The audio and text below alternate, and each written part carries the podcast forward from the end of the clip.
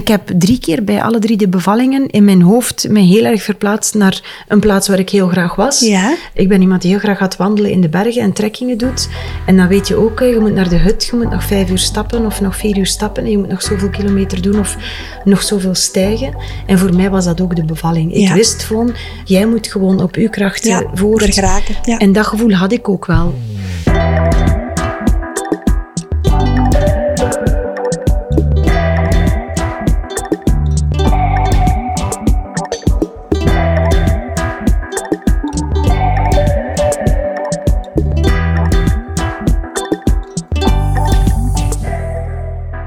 Mijn naam is Anne en ik heb eh, drie kinderen. Eh, ondertussen twee jaar, bijna drie, is de jongste.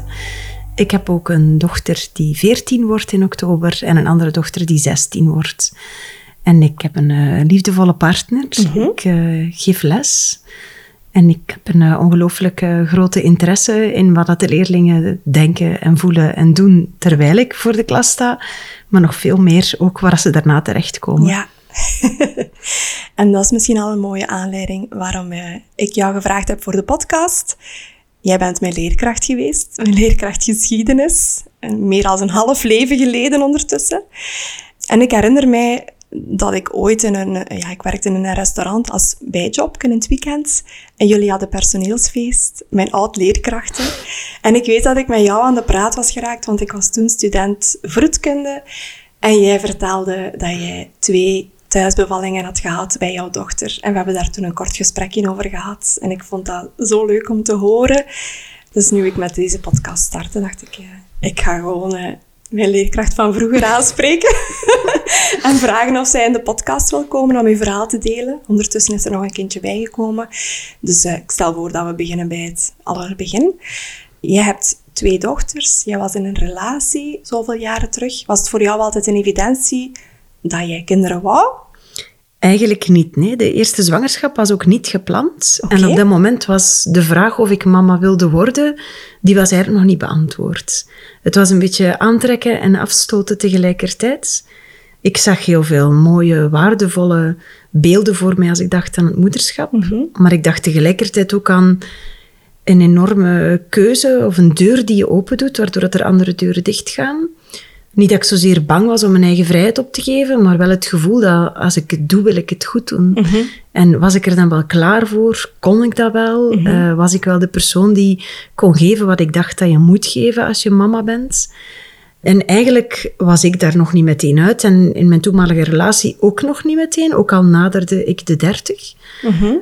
Maar op het moment dat ik dan zwanger was, was dan wel de keuze eigenlijk ja, bijna bij toeval toch gemaakt. Ja. En hebben we dat wel omarmd. Ja, want was jouw toenmalige partner in diezelfde aantrek-afstoot twijfelfase? Ja, dat was eerder wel van het mag wel, maar het moet niet per Mhm. se. En dat gaf dan ook dat er geen druk zat Ja. op het hele vraagstuk. Uh, maar het is ook niet dat we bijvoorbeeld al doorgepraat hadden van stel dat het niet zou lukken, welke stappen zouden we dan Mhm. doen? Daar zaten we eigenlijk niet op dat moment. Uh, Dat was nog niet meteen aan de orde. Ja. En die, ja, die vragen moesten dan ook plots niet meer gesteld worden, want ik, uh, ik bleek zwanger te zijn.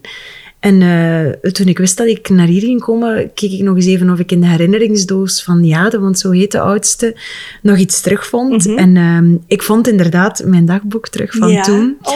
En uh, ik heb het daarnet voorgelezen aan haar en zij vond dat wel heel emotioneel, want zij wist het niet. 24 april 2006 staat erin, vandaag verandert mijn leven voorgoed, Ja. want ik heb een positieve zwangerschapstest afgelegd. Ja. En ik heb toen ook opgeschreven hoe ik me voelde en welke vraagtekens ik had. Maar dat is wel duidelijk meteen in, in, in wat ik toen heb neergeschreven, dat, het een, dat de weg die, die er toen voor ons lag, dat we die wel gingen nemen. Ja. Dat was dus eigenlijk vrijwel onmiddellijk duidelijk voor Ja. jou. Want ik ging jou inderdaad vragen, wat was dan het eerste dat bij jou opkwam toen als jij dan ontdekte dat je zwanger was? Maar je hebt het gewoon neergeschreven. Ja, ik heb het toen neergeschreven inderdaad. Ja. Zo vooral heel veel, eh, ja, ik heb het boekje Ja. bij. heel veel, ehm, ja, vooral vragen richting de toekomst. hè. Zo de filosofische vraagstukken van wat doet dat met u als mens? En, en je brengt ook een nieuw leven op de wereld. En, en welke verantwoordelijkheid heb jij, maar ook heeft dat nieuw kind dan, hè, Mhm. die nieuwe mens. Dus daar was ik eigenlijk wel vrij snel mee bezig, Ja. op dat niveau. Hoe reageerde jouw toenmalige partner? Die was ook wel heel blij, want die was ook ehm, zes jaar ouder. Oké. Hè, Dus op dat moment ook wel voor hem fijn om, als dan toch de keuze gemaakt werd voor zijn papa-rol, dat Ja. dat dan ook niet heel laat was. Dus waar we daarvoor eigenlijk nooit aan getwijfeld hadden of niet als een druk hebben ervaren, op het moment dat die zwangerschap er dan wel was, creëer je plots toch een nieuwe realiteit en een nieuw verhaal. En ehm, ja, werd dat meteen wel eh, volledig enthousiast onthaald. Hoe is die eerste trimester verlopen voor jou? Ja, eigenlijk ehm, veel misselijk, eh, moe, eh, toch helemaal niet eh, zorgeloos zou je kunnen zeggen. Er was, alles was in orde wel, maar ik vond het heel moeilijk, want ik had heel veel zuuroprispingen. Dus Ja. ik, had, ik was zeker zo na het avondeten, ik kon eigenlijk niet liggen. Ik moest eigenlijk rechtop zitten. En ik weet nog dat we dan een bepaalde serie aan het kijken waren op televisie. En elk beeld maakte mij draaierig, Ja. waardoor ik eigenlijk zelfs niet kon focussen op beeld. Ja. En ik moet wel zeggen dat je, je denkt dan dat je van alles weet of zo. Maar ik vond wel zo de lichamelijke ongemakken die erbij kwamen kijken, ik, ik schrok daar wel van. Ja. En ik had ook het gevoel wel een beetje van, ehm, iedereen doet daar zo dapper over, hè, van het gaat wel voorbij. En als je dat dan nog maar durfde uitspreken van, "Ja, ik voel me wel misselijk, dan had iedereen bijna altijd wel een antwoord klaar om het te minimaliseren. Ja. Dus je krijgt zo meteen zo het gevoel van, oké, het is hier een kwestie van doorbijten, niet te veel zeuren. Ja. Hè, en we gaan er wel door. Maar ondertussen draag je wel zelf heel veel vraagtekens mee van... Maar gaat dat nu echt zo lang blijven duren? En mag ik dan effectief niet meer dat eten? Of je begint dan te zoeken naar informatie. We zitten zeker nog niet in die fase 2006 zoals het nu is, dus je vindt veel minder. Maar er was natuurlijk ook wel van alles te vinden. Er waren toen ook wel al heel wat boeken en naslagwerken. Maar alles bleef toch redelijk, vond ik toch, zo'n opsomming. Ehm, ik vond dat er weinig verhaal rond was. Ja. Of dat er weinig ja, echte authentieke verhalen te lezen waren over wat doet dat nu met iemand. Dus ik vond dat best wel een zoektocht. Ja. Van, ik verander hier blijkbaar lichamelijk, maar ook, ja, ik twijfelde wel. Ik had wel vragen. Ja. En daarin voel je toch wel van, oei, ik zit daar toch mee. Was het een zekere eenzaamheid, zou je het zo kunnen noemen? Ja, dat denk ik wel, omdat ik ook niemand had in mijn leeftijdsgroep toen die ook toevallig parallel zwanger was. Ik had één iemand eh, waar ik eh, de zomer daarvoor mee op reis was geweest, en, met de vriendenkring, en die was toen al mama geworden. Maar je merkt eigenlijk dat je die vragen die je hebt als je dan zwanger bent, pas stelt als je er echt zelf in zit. Klopt, ja. Dus je zou kunnen zeggen van, ik had dat toch allemaal kunnen vragen dan? Maar dat doe je niet. En dan pas besef je van, amai, hoe heeft hij dat toen gedaan? Of dan plots heb je honderd vragen. Ja. Maar eens je er nog niet in zit, dan ben je wel geïnteresseerd en betrokken. Maar eigenlijk is dat nog maar ja, een honderdste ja, fractie, van, van wat je werkelijk echt voelt en denkt op Ja. het moment dat je zwanger bent. Ja. Dat is zo'n... Een, een, ja, ook al is er in het begin nog niet meteen iets zichtbaar, het is een totaal nieuwe wereld waar je stapt. hè. absoluut. Het, het, het neemt jouw volledige dag eigenlijk over. Ja. Jouw lichaam, jouw Ja. geest, alles. Hè? Ja. En ik weet nog, eens heel grappig, ik, was toen, ik gaf toen les en eh, wij hadden een uitstap naar Antwerpen met school. Ja. En ehm, ik had toen een vaste post aan het Rokokhuis in Antwerpen. En ik had een pauze van een uur waarbij ik daar niet moest staan. Dus dan kwamen de leerlingen niet. En in dat uur, echt typisch voor de fase waarin ik toen zat, want toen wist alleen nog maar mijn partner en ik. In dat uur, ik, ik wou niet eten of een pauze nemen met een koffie. Nee, nee, ik wou per se naar de FNAC om te gaan kijken welke boeken er waren over zwanger zijn, om toch maar zo goed mogelijk geïnformeerd Ja. te zijn. En dan stiekem die drie boeken mee in de rugzak, want niemand wist dan dat jij die Ja, boeken ja. dan hebt. En dan kon je bijna niet wachten om s'avonds dat boek open te doen en gulzig alle informatie tot u te nemen. Ja. Dus ik herinner me heel erg zo een hongerig gevoel naar ik wil meer weten, ik wil begrijpen en ik wil voorbereid zijn. Ja. Maar dat was eigenlijk een niet te stille honger. Want Ja. je blijft altijd met vragen zitten of ervaringen zitten die je niet terugvindt in de eerder klassieke naslagwerken. Mhm, klopt, ja. En zo podcasts bijvoorbeeld, dat was er gewoon ook nog niet, hè? Inderdaad niet. Dus ja. zo echt zo die nuance meer van hoe ervaren vrouwen die het doormaken, ja, dat was er veel Nee. minder. Het was inderdaad vaak veel meer de feiten, denk ik. Hè? Had jij professioneel gezien al ondersteuning van een vroedvrouw of een gynaecoloog of een goede huisarts of zo? Ik was eh, niet echt eh, een schoolvoorbeeld van een gynaecoloog waar ik elk jaar trouw naartoe ging. Dus ik was eerder zo iemand die zei, oei, het is toch al lang geleden. Ik moet misschien toch eens een gynaecologisch onderzoek doen. Dus in die zin was op het moment dat ik zwanger werd ook niet zo een vertrouwenspersoon waarvan ik dacht, ah, ik kan daar nu naartoe en Ja. ik kan daar... Maar ik had wel een gynaecoloog en daar was ik dan wel blij omdat het een vrouwelijke gynaecoloog was. Want ik had wel in mijn hoofd, als ik ooit zwanger ben, wil ik een vrouwelijke gynaecoloog. En als je dan moet beginnen zoeken, ja, dan wordt het wel moeilijk. Dus En ik ben daar dan wel... Mag ik daar heel even op inpikken? Ja. Je zegt, je vond het wel belangrijk dat het een vrouwelijke gynaecoloog was. Kan je daar wat meer over vertellen? Waarom Ja. dat voor jou belangrijk was? Voor mij is dat heel belangrijk en ik weet dat dat voor sommige mensen raar klinkt, want iemand die medisch is opgeleid, het gaat toch over de expertise. Maar voor mij is er natuurlijk veel meer dan puur de pathologie. Voor mij is ook de psychologie rond wat je voelt, wat je, hoe dat je dat ervaart, heel belangrijk. En ik zeg niet dat er geen mannelijke gynaecologen kunnen zijn die dat perfect kunnen aanvoelen en, en daar ook een belangrijke, soms een tegenpool of een factor kunnen zijn die heel belangrijk is. Maar voor mij was dat echt wel belangrijk dat ik een vrouw had om mij ten eerste al veilig te voelen. Dat is echt een persoonlijke nood die ik voel. En omdat het vrouw zijn voor mij toch zoveel facetten heeft Ja. die je niet altijd kan benoemen. En ik, ik hoopte ook gewoon dat er iemand was die sommige dingen die ik misschien niet kon uitgelegd krijgen of niet meteen kon herkennen, dat zij mij daarin dan zou kunnen Ja. helpen. Oké. Maar je zegt, die gynaecoloog was niet per se degene aan wie je onmiddellijk zou bellen of langsgaan. Ben je dan op zoek gegaan naar een vroedvrouw bijvoorbeeld? Ja, eigenlijk vrijwel meteen. Oké. Ja, en heb ik dan wel gedaan. Heb ik een beetje te zoeken en dan ben ik terechtgekomen bij een zelfstandige vroedvrouw. Oké. En dat is eigenlijk het begin geweest van wat voor mij een heel, heel mooi verhaal is geworden. Ja. Ook voor de papa van mijn kinderen. Ja, voor ons was dat eh, bijna toevallig van, ik wil eigenlijk ook een vroedvrouw. Ik hoef niet het klassieke verhaal van zoveel keer naar de gynaecoloog. Mhm. Wij waren er eigenlijk redelijk snel uit dat wij een vroedvrouw als vaste persoon wilden, die de consultaties ook deed voor ons. En wij wilden eigenlijk maar zo weinig mogelijk naar de gynaecoloog op de momenten dat het ja, gewenst was. Ja, en kenden jullie iemand in de omgeving van vrienden, collega's, die inderdaad ook wel zo'n traject had belopen, echt wel opvolging gehad had van een vroedvrouw in de eerste lijn dan? Ja, dat is mij totaal onduidelijk van waar dat mijn verlangen kwam om dat zo te doen, want ik kende niemand in mijn omgeving die die keuze had gemaakt. Kijk, en zeker in Ja. die tijd, Ja, een zelfstandige vroedvrouw was gewoon nog veel minder prominent aanwezig Ja. in ons eh, zorgsysteem dan nu, hè? ik weet het Dus, eh, niet. Soms ja. vroeg ik me af, is het doordat ik ooit eens een documentaire gezien had? Ik heb ooit wel eens een documentaire gezien over een midwife die heel erg... Ja, het was toen een verschil tussen een doula, dat woord kwam toen Ja. al op. En, en ik weet dat mij dat toen heel erg geraakt heeft over de intimiteit van een thuissetting. En ik denk dat daar mijn... dat dat getriggerd- Ja, dat dat heeft toen. En dat ik dacht, oké, we gaan kijken. En door dat dan op te zoeken en meteen ook een telefoonnummer te vinden en die vrouw rechtstreeks te kunnen bellen. En die zei gewoon, ik kom op huisbezoek. En ik, ik had zoiets van, wauw. Heerlijk. Ja, heerlijk. Ik moet niet naar een anonieme praktijk. Mhm. eh, we krijgen een, een huisbezoek. En, en Ja. toen, ja... En een dan, klik. ja, vanaf dan is het eigenlijk alleen maar ja, van de ene keuze naar de andere. Dat klopte, dat voelde goed. Dat, dat was wat we wilden.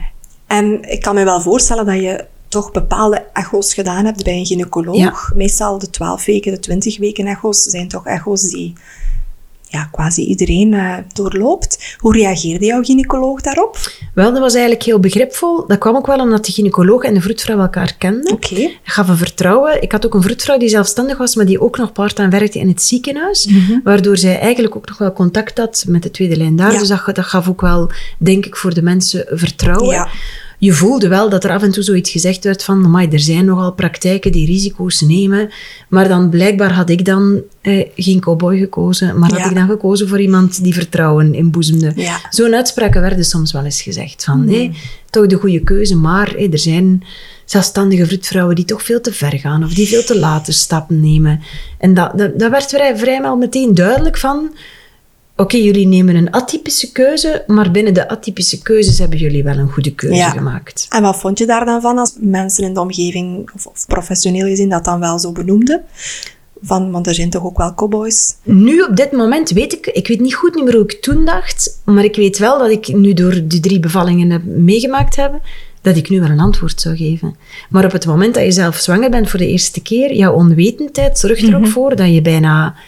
Allee, laat ons het zeggen, je wordt gevuld met de eerste gedachten en de eerste woorden van mensen waarvan jij verlangt of verwacht dat zij kennis hebben. Ja. Dus ik, ik weet het niet meer exact, maar ik denk dat ik toen misschien wel zelfs dacht, ze zullen misschien wel gelijk hebben. Ja, ja. En misschien zijn er wel zo vroedvrouwen die risico's nemen, want ik heb hier toch een gynaecoloog of ik heb hier toch mensen voor mij die, die dagelijks in contact komen Ja. met de situatie. Dus ze zullen wel weten waarover ze spreken. Nu zou ik dat niet meer zeggen. Nee. Want er zijn echt wel gewoon mythes. En die mythes worden bevestigd. En Die wa- ja, Dat is al ineens een vraag voor op het einde. Welke Ja. mythe wil je doorbreken? Maar kijk, ja, we hebben er alvast een eh, doorbroken. ja, sowieso. Eh, hoe reageerden ja, de mensen in jullie omgeving, familie, vrienden, op de keuze die jullie maakten voor het niet-typische traject van opvolging?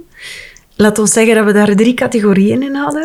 Ehm, de mensen die eh, gefascineerd waren door onze keuze en er vragen over stelden. Eh, persoonlijk mijn favoriete groep mensen. Want je bent natuurlijk zwanger en je hebt een keuze gemaakt en je wil dat zoveel mogelijk delen. En het leukste is om daarover te praten en om, om, om dingen ja, te bespreken. Ja. Je bent letterlijk vol van gedachten, dus je wilt dat ook delen. Dat was niet de grootste groep, deze mensen. Dan heb je eh, mensen die gewoon zwijgen. Die echt gewoon, als je dat zegt, zo hooguit eh, non-verbale communicatie delen. Ja. En dan heb je natuurlijk ook wel een deel mensen die jou echt voor gek verklaren.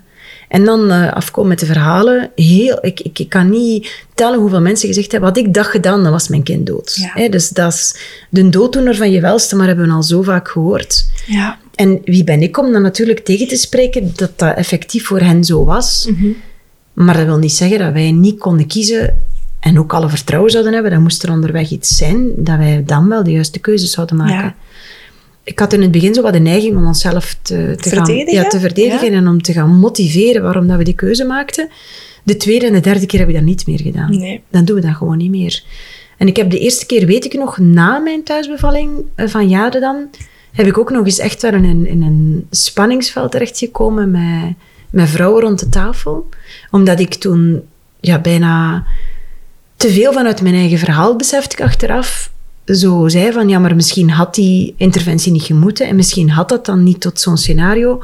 Maar die persoon in kwestie had een heel traumatisch verhaal meegemaakt. En dan eh, kan ik natuurlijk heel moeilijk vanuit mijn mooi verhaal telkens opnieuw die vragen gaan stellen. Maar heb je dat dan gevraagd en heb je dat... Die hebben daar op dat moment geen boodschap aan. Nee, ja. Maar ik zat toen heel erg in mijn positiviteit. En ik vond het dan moeilijk soms ook te zien, ook toen mijn zus een andere keuze maakte. Iedereen maakt zijn eigen keuze daarin. En ik denk dat ik ook heb moeten leren om dan... Elke keuze is voor iedereen een keuze die zij op dat moment willen maken. En is een keuze ja, die voor hen past. Hè. Dat, was zo'n beetje wel in het begin moeilijk voor mij om dat te begrijpen, omdat ik zo vol was Ja. van de voordelen Ja. van de weg die wij gekozen hadden. Mag ik dan zeggen dat je het soms wel moeilijk vond om de keuzes van andere mensen te begrijpen die niet het vertrouwen hadden in die eerste lijn bijvoorbeeld? Ja, ik vind dat moeilijk. Ik vind dat op vandaag nog moeilijk. Ja. Omdat ik, ik zou dan honderd keer willen zeggen welke voordelen er allemaal mogelijk zijn en de risico's waar zij dan meteen over praten, die je ook kunt bespreken en die eigenlijk ook wel mee ingecalculeerd zijn. Maar ik heb wel gemerkt dat ik door in de jaren, ik ben nu 45, steeds minder erover praat in plaats van steeds meer. En eigenlijk zou dat niet mogen, want ik denk dat er zoveel onwetendheid is en dat er daardoor bepaalde keuzes nooit gemaakt worden. Ja, Want er is zoveel mogelijk. absoluut. Maar kijk, je hebt hier een heel platform nu. Ja. Hebben jullie ook effectief gedeeld met eh, de mensen in jullie omgeving dat jullie voor die thuisbevalling gingen? Was Ja. dat onmiddellijk duidelijk ook Ja. voor jullie? Ja, Oké, dat dus- was meteen een uitgesproken wens. Ja, dat klopt. Dus je, je ging met de vroedvrouw in zee en het was eigenlijk onmiddellijk duidelijk, wij willen graag een Ja. thuisbevalling. En ook dat had ik in dat boekje opgeschreven. Heb ik daarnet nog eens nagekeken van waarom. Want toen wist ik Ja. natuurlijk nog niet. En er staan dan meteen een aantal zaken bij. Zoals bijvoorbeeld, ik heb geen zekerheid over wie mijn bevalling zal begeleiden als Ja. ik in een ziekenhuis ga. Ik, ik wil ook gewoon in mijn huiselijke omgeving zijn. Ik wil mijn eigen geuren, ik wil mijn eigen geluid, ik wil mijn eigen ritme. Blijkbaar wist ik toen al, waar ik eigenlijk wel straf in, dat in een ziekenhuis je gewoon ook, ja, je hebt wissels, je hebt gewoon een heel andere manier van tempo. eh, Dat je 's morgens wakker gemaakt wordt voor het eten of voor bloeddruk of voor andere zaken. Dat, dat leek me allemaal haaks staan op hoe ik het zag. Ja. Zowel mijn arbeid, de bevalling, als de eerste dagen eh, met ons kindje. Ja, En gelukkig, eh, Wim, de papa van de kinderen, die dacht daar ook zo ja over. wat Dus wil ik vragen? ja, we hebben geen, geen onderlinge discussies daarover gehad. En dat maakt het natuurlijk wel dat je als koppel daar Sterk, staat, Ja. Ja. Ja. Dus Ja. eigenlijk vanaf het begin onmiddellijk alle twee dezelfde gedachten Ja. gaan eigenlijk. Ja. Maar moeilijk natuurlijk, omdat je geen gelijkgezinden vindt en ook eens niet kan vragen Ja. aan iemand die ook voor een thuisbevalling is gegaan, hoe verliep dat dan? Ja. Hey, Ja. Gaat dat dan? Maar wij wel hoorden, cijfers als 1% van de mensen bevalt thuis. Ja. Maar Eh, wie zijn die 1% dan? ja, van hoe verloopt dat dan? Ja. Maar gelukkig door onze vroedvrouw, die dan natuurlijk wel positieve verhalen kon brengen en eh, al kon terugkijken op een lange carrière, die had natuurlijk wel het vertrouwen dat wij niet vonden in onze meteen in onze kennissenkring. Die had zij dan wel, hè? Ja, Dat was voor ons een veilige Ja. haven. oké. Wauw. Jullie gynaecoloog wist dus ook dat jullie die thuisbevalling inplanden. Daar was zij dan eigenlijk ook akkoord mee, omdat zij die vroedvrouw wel vertrouwde? Of Ja. heeft zij jullie toch nog proberen van gedachten te Nee, veranderen? dat heeft ze niet gedaan. Knap. Eh, heeft ze niet gedaan. Ze heeft eh, wel gesproken over, ik ga of rood licht geven, of oranje of groen. En ik zou het zeer onwijs vinden, zei ze, als je bij oranje toch kiest voor de thuisbevalling. Dus dat heeft ze wel gedaan. Op het moment dat zij dat uitsprak, waren wij nog belangen niet in de fase dat we ooit voor die keuze zouden moeten staan. En toen had ik ook nog geen idee van wat zou er dan mogelijk Ja. zo'n oranje licht kunnen geven. Heb je dat toen kunnen vragen? Of Ik heb die vraag toen niet gesteld. Hè, maar die, dat is dan wel later gekomen. Want ehm, toen ik 32 weken zwanger was, had ik eigenlijk al contracties. En ehm, ben ik dus, eh, ondanks het feit dat we nog maar twee keer naar de gynaecoloog waren geweest, moest ik toen opgenomen worden. Ja. Hè, want het, ik was op school en ik zat aan tafel en ik kon eigenlijk niet van de pijn. En een andere collega die zei, Anna Scheelter, zei, ja, ik heb zoveel harde buiken, echt waar, niet te doen. En die zeiden, wat, het is precies of je hebt al weeën. Maar ja, Ja. ik wist ook niet wat Nee, dat ja. was. Hè. Ja. Dus zeg, ja, mijn rug en echt. En die zei van, echt, Anne, stop, ga naar huis. Dit is niet normaal. En ook daar zo wel een beetje van, ik moet hier doorbijten, dat gaat wel over, het is nog veel te vroeg. Mhm. En dan ben ik aan de monitor gelegd en toen bleek ik echt wel al heel regelmatig te hebben. Ja. En dan hebben ze me daar een week gehouden. Ja. En dat vond ik wel heel eh, moeilijk voor mezelf, want dan... Je hebt dan een heel natuurlijke eh, zwangerschap doorlopen, waarbij ik echt geprobeerd heb om niks van medicatie en alles zo natuurlijk mogelijk. En dan daar plots word je aan de bakster gelegd. En Ja. hè, zit je plots in een heel ander verhaal. Had jij toen het gevoel dat jij wel de keuze had om daarin mee te gaan bijvoorbeeld, of om, om, om, om nee te zeggen? Nee. Nee. En Toen je- denk je, oh, het is hier een risico. Niemand zei mij van, ga nu gewoon naar huis en probeer te rusten en het zal wel zakken. Nee, toen werd er meteen gesproken over, ik weet niet meer, zijn dat iets van blokkers of zo? Ik weet, er, ik weet niet meer wat ja, ik ze toen... kunnen weerremming geven. Ja, hè, ik heb van alles gekregen. En die, ja, ook gebeurd. Hè, dus, hè. En dat werd eruit gelegd dat voor 34 weken, dacht ik, mag je niet bevallen in een gewoon ziekenhuis. Hè, dus dan zal er een transport moeten zijn. Dus dat werd dat ook allemaal uitgelegd. En toen natuurlijk, dat stond volledig haaks op wat wij eigenlijk wilden. Ja. Dus heb ik meteen de klik gemaakt daar en mij zo rustig mogelijk gehouden, mij proberen niet druk te maken. Wel nog die eerste baksters aanvaard, maar dan gevraagd van, kan er een pauze ingelast worden om te kijken wat het met mij doet? Ja. En dat hebben ze ook aanvaard daar. En dan ben ik na zeven dagen ontslagen uit het ziekenhuis Mhm. en had ik nog medicatie meegekregen die ik zou moeten nemen. En dan je ik, zou moeten nemen. die heb ik niet meer genomen, Mhm. maar ik heb toen wel, ik ben niet meer aan het werk gegaan. Ja. En dan ben ik thuis gebleven. En ehm, uiteindelijk heb ik 39 weken en één dag gedaan. Ja. Dus is alles perfect verlopen. ja. Is helemaal niks meer abnormaal verlopen. Maar ben ik natuurlijk wel veel rustiger. Ja. En heb ik alles gewoon gelukkig nog kunnen zijn gang laten gaan. Zoals ik het gedroomd had eigenlijk. En je was dus op 32 weken een weekje opgenomen. Heb je dan nadien de gynaecoloog wel nog eens gezien? Kwestie van follow-up bijvoorbeeld? Ja, maar die zei dan ook wel dat het ook effectief wel terug in orde was. Ja, oké. Er waren geen aanleidingen meer. Maar toen dacht ik wel, ah, dit zal dan de oranje licht geweest zijn. Ja. Dus nu ga ik het nooit meer krijgen. En nu zal het... Heb je dat kunnen vragen? Ja, dat heb ik wel gevraagd. Hè. Dus toen we dan terug op controle gingen, zei ik wel, van, is nu mijn kans verkeken op een thuisbevalling? En zij zei, dat gaan we moeten zien. We gaan gewoon goed moeten opvolgen. Maar ik mocht dan ook terug opvolgen met de vroedvrouw. En dat was dan ook wel heel fijn. Ik moest dan niet plots eh, iedere keer terug naar het ziekenhuis. Dus ik heb die week dan wel een overdosis gehad, bij wijze van spreken, aan medische zorg en opvolging. Maar daarna niet meer. Ja. En om maar te zeggen, ik ben nooit meer aan de monitor geweest sindsdien. Hè. Nee. Ook niet bij de andere twee. Nee. Oké. Ja, dus dat is zo. En toen dacht ik, oh nee, het is begonnen. En ik had dan, op het moment dat ik daar was, had ik al heel veel gelezen. Ik had bijvoorbeeld het Bolle Buikenboek. hè, Dat Ja. was een van de pioniers voor mij. Op dat moment was dat het enige boek dat zo vertelde over de thuisbevallingen op een heel open manier.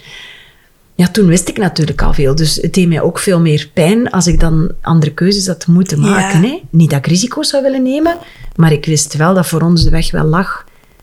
Hoopten we op die Thuis, thuisbevalling. ja. En herinner je je nog het moment dat je die 37 weken naderde? Was, wat dan toch wel die magische grens was voor jullie? Absoluut, absoluut, ja. ja. Kan je dat hè? beschrijven? Ja, gewoon aftellen tot dat moment. Ja. Hè? Echt heel, heel erg. Hè? Ja. Dat je zegt, veel mensen weten niet waarom dat die 37 zo belangrijk Ja. is. Maar als je kiest voor die thuisbevalling, is dat, is dat magisch. Hè? Dan wil je daar gewoon geraken. Ja. Dus je bent er geraakt, je Ik bent ben er erover geraakt, gegaan. ja. Was het moeilijk om dan inderdaad daar nog voorbij te gaan? Nee, dat niet. Dat niet. Nee. had vertrouwen van, ze Ja. komt wanneer ze komt. Ja, bij het eerste had ik het niet moeilijk. Bij het tweede, maar kon misschien straks, zo vond ik het moeilijker. Had ik minder geduld. Ja. Ja. Oké, ben ik benieuwd naar. Ja. Ja. Herinner jij je nog eh, ja, het moment dat je voelde van, god, ben je hier misschien wel te rommelen? Misschien eh, is het nu bijna zover? Ja, dat was in de vroege ochtend. Dat voelde ik zeker. En ik kan het niet beter beschrijven als eh, hevige menstruatiepijn. Mhm. Dat was voor mij zo... En dan vooral heel erg op mijn rug had ik het. En dat straalde uit naar mijn benen. Ook zoiets dat ik eigenlijk nooit wist. Wee zat voor mij op de buik, dacht ik. Ja. Hè, Maar dan plots ontdek je, ondanks het feit dat ik vond dat ik heel goed voorbereid Ja. was, en ik had al veel gelezen, en ik had ook de prenatale cursus gevolgd, en ik vond Van de dat ik, eh, dan, de ja. vroedvrouw dan. Ja. En ehm, dat was dan met een aantal koppels bij haar thuis. Dus het was allemaal heel gemoedelijk verlopen. En ik, ik vond dat ik veel wist. Hè. Ja. Ik dacht, hé, we gaan hier... En ik had ook zo voor mezelf, hè, leerkracht zijnde, allemaal kaartjes gemaakt met Ja. dingen die ik niet mocht vergeten. Zo, ik weet nog bijvoorbeeld een kaartje, zeker geen koude voeten, want dat vertraagt. Hè. Dus dat, zo. En ik had die kaartjes geplastificeerd in de kleurtjes die ik mooi vind. En ik had die allemaal... En ik wou die zo leggen, hè, samen met... Ik had dan ook muziek opgenomen. Hè. Toen was dat nog anders dan de playlist nu, van de muziek waar ik rustig van word. Dus ik had alles goed voorbereid. Maar dan overviel mij toch die ongelooflijke pijn, Ja. die ik eigenlijk ja, Niet verwacht had niet op verwacht die had locatie. op die Ja. locatie. En dat dat zo naar je benen uitstraalde, dan, eh, ja, dat vond ik echt... ehm, ik vond het een, een, ja, echt zo golven van pijn die op je afkomen. Ja. Heb je toen onmiddellijk je vroedvrouw gebeld? Heb je de eerste uren nog gewoon... Nee, direct. ja, ook een verschil met de andere momenten. Maar bij de eerste, vrijwel meteen toen ik voelde van oei, direct gebeld. Ja. En de vroedvrouw kwam toen uit de nacht. En zij is toen meteen Van in het ziekenhuis van te werken, het ja. te werken. Zij is dan meteen gekomen. En het mooie was, ik denk dat de vroedvrouw voelde van het is een eerste. Zij is gewoon bij ons in de zetel gaan Ja. rusten. Oh. De nabijheid. Dus Ja. ze heeft wat geslapen bij Ja, ons maar u eigenlijk wel gerust gelaten. mij gerust gelaten. Ja. En ik kon dan ondertussen wel rondlopen en alles opvangen. En zo is die dag mooi verlopen. En uiteindelijk, ja, dan is om tien na vier in de namiddag Geboren. geboren. Dus we hebben eigenlijk bijna een dag samen hè, dat kunnen... Wauw. eh, ja, En waar was jouw partner in het verhaal van de weeën? ondersteunend. Ja. ehm, maar vooral wel niet fysiek ondersteunend, maar zo het aanbrengen van de zaken die ik dan wou. Van een koud wasantje tot een glas cola. Ja. Ik was ook heel misselijk, eh, dus ik heb overgegeven. Ik had een zitpal, dus ik wil nu de zitpal. Ik Ja. wil nu warm water kruiken. Zo die praktische kant. En eh, ja, Dus het was eigenlijk eerder hands-off, maar wel gewoon alles ja, Ja. praktisch wat jij ja nodig zeer had. nabij, Ja, zeer maar, nabij. maar niet zo... eh, Heel tijd masserend heel de tijd... eh, Ik weet wel nog zo duwen op de onderrug, zo de tegenbeweging dat Marleen dat wel zei. De vroedvrouw heeft echt wel ook meegezegd van nu kan je dat Mhm, doen en dat. Voor mij, want ik heb drie keer het geluk gehad om met dezelfde vroedvrouw te mogen bevallen, zij geeft ook echt wel mogelijkheden van wat kan je doen. Ja. Dus zij zegt van en nu kan je dit doen en nu dat. En, zij betrok echt wel de partner. Absoluut. Ja. En hoe was dat voor jouw partner? Ja, ik, ik, ik weet, ik ben dus de, het derde kindje dat ik nu heb is een andere partner. Mhm. En ik weet bij beide partners hoe overweldigend dat wel eigenlijk is. Ja. Ik weet dat ze alle twee gezegd hebben, de oerkracht die nodig is om, om dat te doen, dat is natuurlijk ongelooflijk. Ja. En die willen iets doen en die kunnen iets doen en die proberen wel. Maar je moet daar natuurlijk als vrouw op dat moment, ook al ben je goed omringd en ondersteund, maar je moet daar door. hè. Ja, klopt. Ja. Je moet daar gewoon door. Ja. Ervaarde hij dan bijvoorbeeld toch een zekere machteloosheid? Of... Dat zou ik nog eens opnieuw moeten vragen. Ik, ik denk het niet omdat Marleen wel heel sterk was in het betrekken Mhm. van de partner daarbij. Waardoor we allemaal wel het gevoel hadden dat iedereen zijn rol had of iedereen zijn functie had. Ja. Dat je wel het gevoel had dat je dat samen deed. ja. Ja. Zijn er momenten geweest in die arbeid van Jade, van de oudste dochter, dat je het gevoel had, dit, dit lukt niet. Ik, ik, eh, ik heb hier nu iets extra nodig van ondersteuning. Ik Ja. wil naar het ziekenhuis. je weet waarom ik dat vraag. Ja, inderdaad. Dat moment is er dus effectief Ja, geweest dat je denkt van... Als dit nog niet het ergste is, dan ga ik het niet kunnen. Ja. Dat, dat gaat mij niet lukken. dit kan ik gewoon niet. Dit lukt me niet. Ik heb dan niet uitgesproken van ik wil een epiduraal of ik wil naar het ziekenhuis, maar ik heb wel gezegd ik kan dit niet. Ja. Hè, zo op een bepaald moment gedacht van mijn lichaam kan dat niet aan. Ik kan dat niet. Als, als, als dit nog niet alles is, ik ben op. Ja. Het gaat niet meer. Dat weet ik heel goed nog. En ik weet ook dat er achteraf nog een paar keer gezegd is door de papa van de kinderen van Amai. Ik heb zelfs op mijn moeder geroepen op een Ja. bepaald moment. Hè, zo dingen die je normaal nooit doet. Ja, dingen die, die heel veel vrouwen zich inderdaad op voorhand Ja. niet kunnen voorstellen. Nee. Nee. Maar dat het dus zo diep gaat, hè, zo... Ja, Het is zo transformerend, hè? Ja. absoluut. En was het punt dat jij het gevoel had, ik kan niet meer of mijn lichaam kan dit niet meer, was dat dan ook het punt dat je er altijd bijna was? Ik heb dat moment alleen maar gehad bij de eerste. Bij twee en drie heb ik dat niet meer gehad. Oké. Een soort vertrouwen van, ik weet waar ik heb... eh, maar ik was er toen nog bijna... Ik was er toen Nee? niet. Nee, nee, nee, nee. Want ik, op het moment dat ik het moeilijk had, had ik 7 centimeter Ja. ontsluiting. Oké. Ja. ja. En wat heeft dat toen geholpen? Eh, de vertrouwen. Ja. Eh, haar hele de stem en het, eh, het, je komt er wel en geloof Ja. in eigen kracht en jij gaat dat kunnen. En De bevestigende woorden. Hè? de bevestigende woorden en... Het warm dekentje, hè? hetgeen wat Ja. je nodig hebt op dat Ja. moment. Hè? Vertrouwen hè? in jou en in jouw baby. Ja. En ik, ik heb en ik had ook heel veel vertrouwen in haar, dus dat, dan werkt het ook. ja, het kwam authentiek binnen. Ja, zij heeft natuurlijk ook al al die maanden met onze traject doorlopen. Ze wist wie we waren als, als mama en papa, of als toekomstige mama's en papa's. Dus dat, dat, was, dat was mooi. Dat was, eh, ja, ik, ik ze zeggen altijd, je hebt de bevalling gedaan, proficiat. Maar voor mij was dat echt een, een ongelooflijke Ja. samenwerking. Ja. Ja, eh, ja, heel mooi. Ja. Herinner je je nog het moment van, goh, ik voel hier nu echt onweerstaanbare persdrang. Het, het is nu bijna zover. Ja, dat is wel iets speciaals bij mij, bij alle drie. Ja. Ehm, doordat de weeën zo pijnlijk waren, dan in mijn ervaring, had ik de neiging om alles dicht te nijpen. Ja. Dus tot de derde eh, bevalling toe heb ik heel veel moeite gehad om te keren. Ja, om dat dus los te laten. iedere keer als de wee opkwam, ging ik helemaal even nepen in mezelf zitten. Terwijl je op dat moment eigenlijk mee naar buiten moet duwen. En eigenlijk ja, ja Moet in een andere met richting. golf, hè? Ja. Ja. Ja. En dat is een moeilijke klik geweest voor mij drie Ja. keer. En dat heeft dan telkens ook weer, dankzij de juiste woorden en, en echte coaching van de vroedvrouw, Ja, lukte het. Ja. En ook natuurlijk de positie zoekende. Hè. Ja, want Ehm, ik het vragen, welke houdingen... eh, ja, nooit gelegen. En laat ons daar al mee beginnen. En ik heb gewisseld. Hè. Ehm, bij eh Jade dan, bij de eerste, al hurkend. eh, maar dan ook op mijn knieën en mijn handen. En dan terug weer eens rondgelopen tussen de deurstijlen. een stukje op de zitbal. Maar op het moment dat de persdrang dan zou moeten komen, of dat ik dan mee moest gaan, vond ik hurkend de beste Mhm. Ja. positie.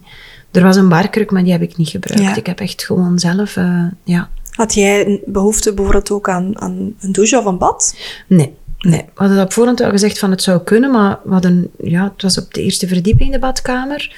We hebben niet gekozen om een bad beneden te zetten of zo. Nee, dat, dat was niet meteen. Hm. Ik had heel graag, maar daar hadden we niet de infrastructuur voor, eh, zo'n doek gehad. Ja, ja, Dat waar je had kan ik- hangen, Ja, ja. dat had ik heel graag gehad. Ja. En dat is zo het gevoel dat je zo kan hangen daarin. Mhm.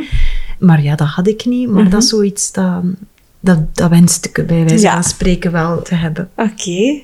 Toen werd Jade geboren, helemaal op eigen kracht. Ja, ja. Beschrijf eens het allereerste gevoel dat bij jou eh Ja, dat is toen. zo wonderlijk. Hè? Ook dat denk ik dan weer van, je denkt dat je weet wat er komt, maar je kan dan niet beschrijven hoe magisch dat dat is. Hè? Dat is zo alles overweldigend. Ja. Dat is fantastisch. Dat is, ja... Ik vind daar de woorden niet voor om dat gevoel te beschrijven. Je ziet het ook, hè, zeker omdat als je hurkt, hè, je kan het hoofdje dan zien komen. Ja. Er was ook een spiegel, waardoor Ja. ik heel mooi kon volgen. Dat gaf mij ook zo... Je bent volledig ja, één Eén, met jouw ja. lichaam. En op het moment dan dat, dat jouw kindje eruit komt en die wordt op jouw buik gelegd, de navelstreng klopt nog, dan, dan ja, dat is, dat is fantastisch. En ik weet dat ik een heel groot gevoel van dankbaarheid had. Van, je weet dat het anders kan lopen, dat er mensen zijn die dit al zo lang dromen of wensen en het niet hebben. Mijn eerste gevoel was dankbaarheid. Ja. Echt een enorme dankbaarheid. Was er ook liefde op het eerste gezicht? Ja, absoluut. Ja? En nu nog steeds, ik ben 45, ik zal niet meer mama worden. Maar dat moment van zo'n pasgeborene en eigenlijk zo zeker dat die eerste dagen. Sommige mensen zeggen dat is niks voor mij, maar ik vind dat echt hemels. Magisch, ja. Ja, Ja. Ja. Wauw. Ik vind dat fantastisch. Ook zo, op het moment dat ze nog niet gewassen zijn. Mhm, En die geur. al de geur Ja. en eh, de- alles. En die eerste reflexen, het feit dat die bijna een beetje kruipen of zoekend naar Ja. je tepel. Ja, dat vind ik... eh, want ik had dan... Ik ga dat toch al een, een brugje maken naar de derde. Ik had gezegd, ik wil dat zo graag eens vastleggen. Dus ik had een goede vriendin gevraagd van, houd u klaar. Ik Ja. ga een sms sturen. Ik kom alsjeblieft, hè, foto's. Ik wil dat echt. Maar ik kon dat niet op dat moment. Ik wou die magie niet doorbreken. En ik heb natuurlijk spijt dat ik dat niet heb. Maar tegelijkertijd, je kunt dat niet in beeld vatten. Nee, en je hebt vooral ge- gevolgd wat dat jij op dat moment nodig had. En dat was blijkbaar jouw eigen ruimte. En Ja. dat is ook oké, hè? Want er is een vraag gekomen of er een stagiair mee mocht. Mhm. eh, Dus er was iemand die studeerde en die had gevraagd, ik zou heel graag eens een thuisbevalling meemaken, want dat kunnen we niet gemakkelijk. En ehm, die had dan gevraagd of hij erbij mocht zijn. En ja, dat zag ik niet zitten. Nee. Ik vind dat eigenlijk heel krachtig dat je, als je dat niet zag zitten, dat je dat ook hebt durven uitspreken. Ja, ik, eh, ik wou sereen, Ja. ik wou mijn omgeving. Ja. Ja, en dat is gelukt en daar ben ja. ik heel blij om. Wauw. Ja. Hoe heeft eh, jouw toenmalige partner die eerste geboorte ervaren? Die heeft natuurlijk ook een deel meegelezen. Dus die wist bijvoorbeeld hoe belangrijk het was om ook een bloot bovenlijf. En dan Ja. meteen ook gedeeld. Hè. Ja. En ook bij hem. Kan, ja, dus, dus zo die dingen hebben we allemaal mogen doen. En dan terwijl ik dan nog voor de nageboorte, ehm, want dat duurde een beetje langer.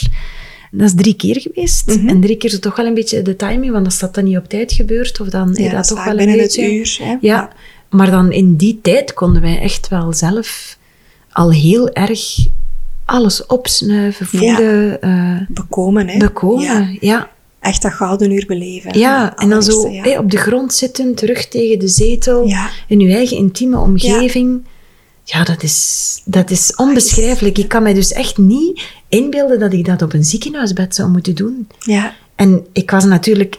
Ik wist dat het kon. Hè. Mhm. Ik wist dat... Stel je voor dat er tijdens de arbeid of... of ik, ik wist dat ik er rekening mee moest houden. Dus daarom dat ik ook zo dankbaar was dat, ja dat hoe ik het eh, gedroomd had, Ja. of hoe wij het gedroomd hadden, dat we dat ook mochten Ja. beleven. ja. Herinner je die eerste dagen, die Ah, eerste ja. weken? Uiteraard. Ja. Ook daarin, we hebben niet alleen de kans gehad om dan de vroedvrouw tijdens heel de periode van de zwangerschap te hebben, maar zij is dus ook telkens elke dag na de Ja. bevalling gekomen. Zij bleef dus echt Zij bij. bleef. Ja. Dus je hebt eigenlijk ja, één persoon. Ik moet wel zeggen, wat heb ik net niet gezegd, eh, tijdens de arbeid, er was, omdat het een eerste kindje is, was er ook nog wel een ander team. Mhm. Dat was een duo eh vroedvrouw waar zij mee samenwerkte. En die waren bij Cup, is Ja. zodanig dat ze, dat ze er niet alleen voor stond. En zij waren op de achtergrond. Ja. Eh, ik heb die ene keer gezien op voorhand. Dus we hebben ene keer een verkennend gesprek gehad. En zij waren daarvoor, moesten nodig zijn. Ja. Maar zij waren, ja, bij wijze van spreken, echt een deel van het geheel, maar ook weer niet. Want zij zijn ook weer doorgegaan, zonder dat er eigenlijk een interactie met mij is Ja. geweest. Hè. Dus zij zorgde dat het materiaal er stond, dat Ja. er ook opgeruimd werd. Ja. Mooi. Maar het, het, het woordelijk contact gebeurde eigenlijk alleen door de vroedvrouw die we, die we goed kenden. Goed. Ja. Misschien eh, goed dat je dat benoemt, dat er ook opgeruimd werd. Dat is iets waar heel veel mensen die ja, misschien dromen over een thuisbevalling of, of wanneer ze daarover nadenken, ja, toch die bedenking maken van oei, oei, ja, en al dat bloed en eh, thuis en eh, in uw zetel of op uw vloer. Maar vaak zijn de vroedvrouwen inderdaad die het ook gewoon allemaal weer eh, mooi achterlaten. Ja, en dat is eigenlijk misschien wel dat- dat je dat niet beseft Ja. op dat moment. Je bent daar niet mee bezig, hè? Nee, en ook heel veel van de materialen die gebruikt worden in het ziekenhuis, ja, die koop je gewoon ook zelf Mhm, aan. mhm. Je kan zelfs, ik weet nog, bij de eerste thuisbevalling had ik zo'n koffer besteld waar alles al in zat. Ja. Bij de tweede en derde vond ik het fijner om het zelf samen te stellen, omdat je dan ook, ja, de materialen zijn ook gewoon fijn. Hè? Dus als je zelf kiest met welke dingen dat je wil werken.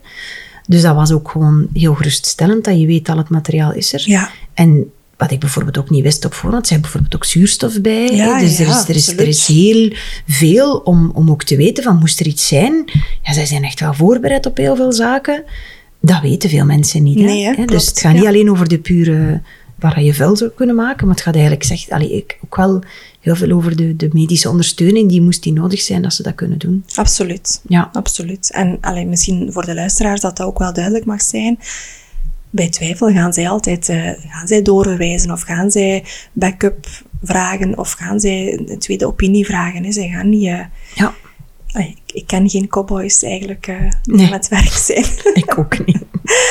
Ehm, je hebt met de vorige partner twee dochters gekregen. Twee jaar later is eh Nette. Nette gekomen. Ja. Was die zwangerschap wel gepland? Ja, Oké. Ja, ik heb daartussen wel een miskraam gehad. Oké. Maar ik ben vrij snel na het miskraam dan toch zwanger geworden van Nette.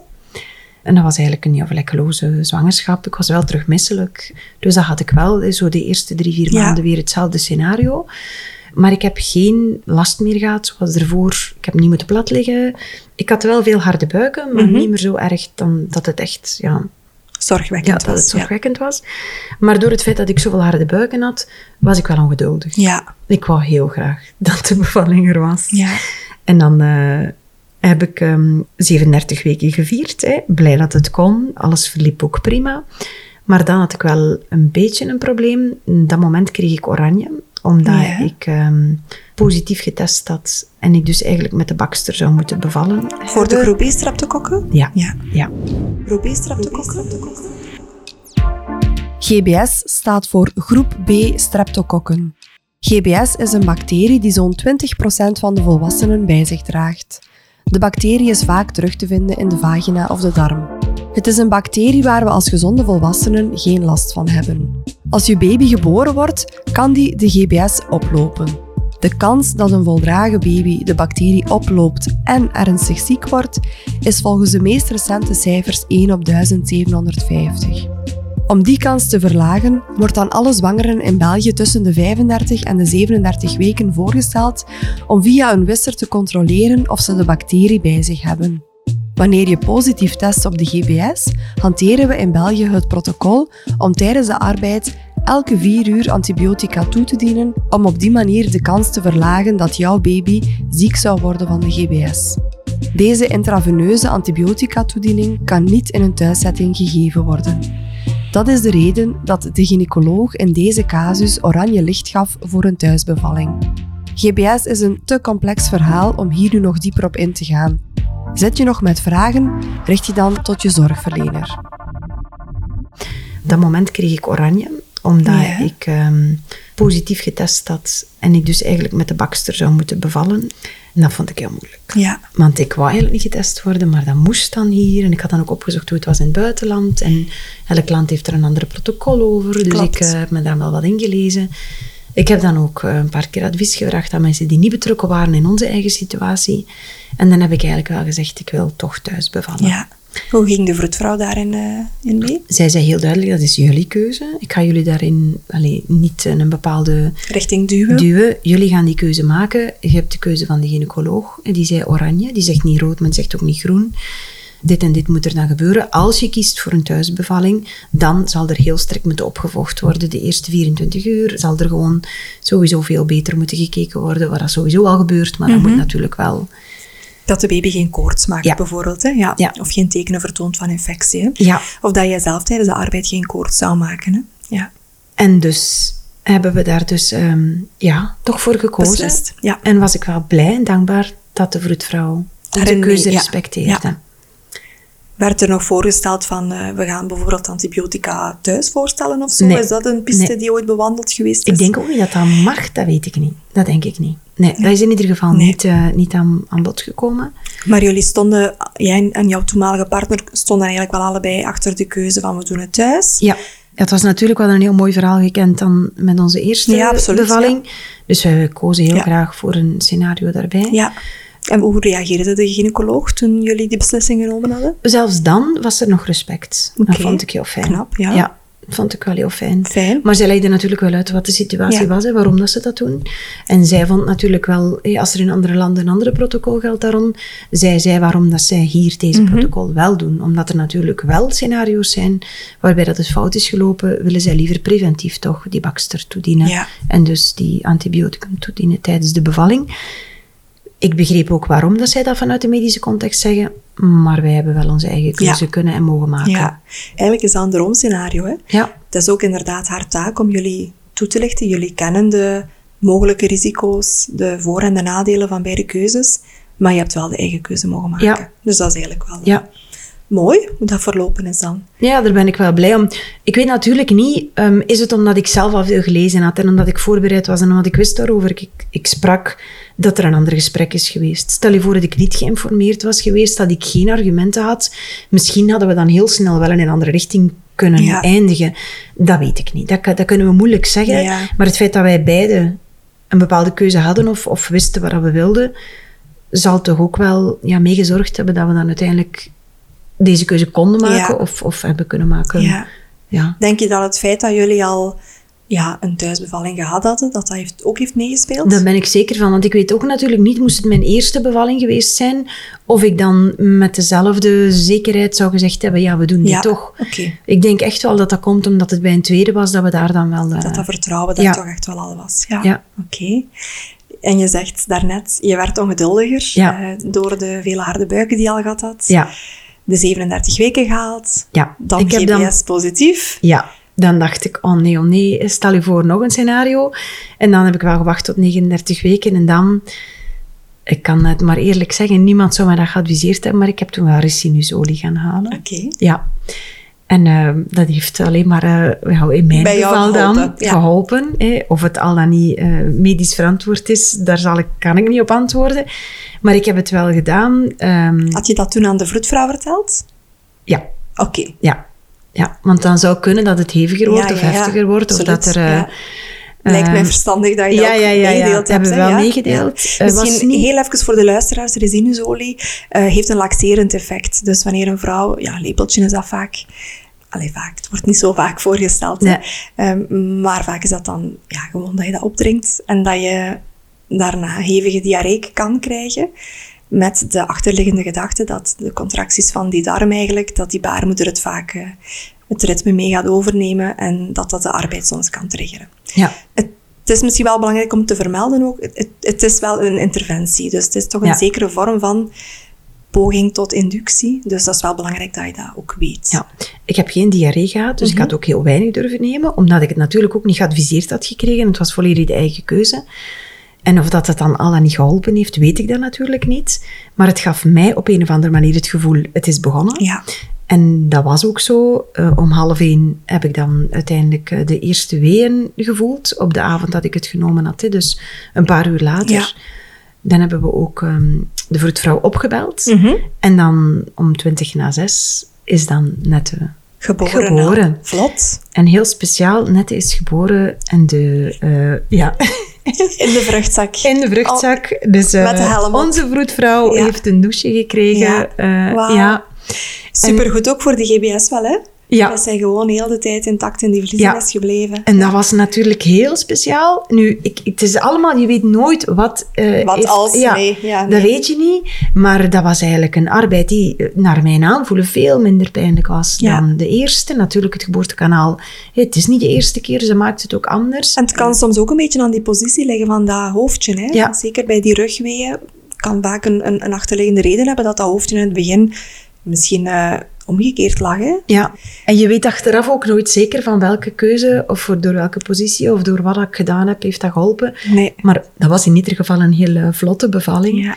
Bij de eerste bevalling had ik een klein scheurtje. Mhm. Bij de tweede was ik volledig intact en bij de derde ook. Wat ik wel altijd gedaan heb, is met ehm perineemolie Ja. eh, mezelf gemasseerd. Dat was ook iets dat ik zelf had eh, eh, voorgenomen van ik ga dat doen. Mhm. Op een einde wordt dat natuurlijk moeilijker, want kan je er eigenlijk bijna niet meer Mhm. aan. En voor mij gaf dat ook gewoon het vertrouwen dat ik die zone voorbereid. Ja. Dat was ook een beetje, ik weet Ja. niet of dat, dat dan altijd helemaal iets, iets fysisch zou veranderd hebben daaraan, Maar de het was elasticiteit. mentaal voor jou belangrijk Maar voor mij was dat wel belangrijk. Was ook een deel van bezig te zijn met wat er daar ging gebeuren. Ja. En om het geboortekanaal dan vrij te maken, ook in mijn hoofd, denk ik. Ja. En ik ben dan natuurlijk ook heel blij dat, dat er geen knip is geweest of dat er geen Mhm. echte scheur is geweest. Want het was echt een mini-mini eh, scheurtje bij de eerste, waar ik ook geen last van had. Maar Ja. vertelde me dan wel dat was, ik wist dat niet. En ook geen herstelproblemen gehad Mhm. of zo daarbij. Dus dat was ook wel mooi natuurlijk. Ja. En dan door het feit dat de vruchtzak nog zo, ik weet niet goed of dat, dat dan een rol speelt in het feit dat dat dan ook gewoon anders voelt. Ja, dat is, dat is ook moeilijk Kan. om dat te benoemen. Maar dat was wel natuurlijk des te magischer Ja. om dat dan zo te zien. hè. Ja, wauw. ja. Weet je nog in welke houding je effectief bevallen bent van? Opnieuw al hurkend. Ja, al herkend. Ja. Had jij het gevoel dat jouw lichaam jou heel duidelijk aangaf van oké, dit is de positie... eh, Ik moest daar niet over nadenken. dus Ik het was eigenlijk ja, instinctief dat je meeging Ja. met jouw lichaam. Ja, Ja. Ja, dat was het gewoon. Ja, dus opnieuw met de vroedvrouw Hoe heeft eh, jouw toenmalige partner die tweede bevalling beleefd? Ja, je weet natuurlijk ook al beter wat er is. En ehm, ik had nog wel meer dan bij de eerste zoiets van, ik moet hier door, ik ga dat doen. Ja. En ik heb drie keer bij alle drie de bevallingen in mijn hoofd me heel erg verplaatst naar een plaats waar ik heel graag was. Ja. Ik ben iemand die heel graag gaat wandelen in de bergen en trekkingen doet. En dan weet je ook, je moet naar de hut, je moet nog vijf uur stappen of nog vier uur stappen. En je moet nog zoveel kilometer doen of nog zoveel stijgen. En voor mij was dat ook de bevalling. Ik Ja. Wist gewoon, je moet nu niet stoppen, je zijt het nog niet, je moet doorbijten. En eigenlijk, ook al doe je zoiets in groepen, dan is dat vaak een groepsreis, zo'n zo een huttentocht. Maar je weet toch, jij moet gewoon op je krachten Ja, voort. geraken. Ja. En dat gevoel had ik ook wel. Ja. Dus dat, dat was zo van, oké, we zijn weg. En ik doe dit niet alleen, dat is duidelijk, want ik ben omringd. Ik heb mijn partner en ik Mhm. heb de vroedvrouw. Bij de tweede bevalling trouwens was de vroedvrouw wel alleen. Ah ja. En eh, was het de bedoeling dat ze op het moment dat, dat die ging opgebeld worden aan anderen, maar ja, het ging zo snel, Ja, dat dat dus dat er niet geen gebeurd tijd is. meer was. Ja. ja. En waar was Jade? Op dat moment hebben wij de grootmoeder, dus mijn schoonmoeder, eh, laten komen. eh, maar een uurtje daarvoor of zo, omdat wij dachten dat gaat nog wel een tijd duren. Ze is iets minder dan een uur weg geweest en haar zusje Ja. was er al. Oh, Ja, wauw. ja dat was toch Ja. net iets sneller dan gedacht. En herinner je Ja. nog het eerste moment dat Jade haar zusje ontmoette? Ja, dat is Want overdonderend. zeker als dat zo in een thuissetting is, lijkt Ja. dat zo intiem. Die kruipen erbij. Ik had toen een bed gezet beneden. Dat heb ik bij de eerste en de tweede gedaan. Dat heb ik bij de derde niet meer gedaan.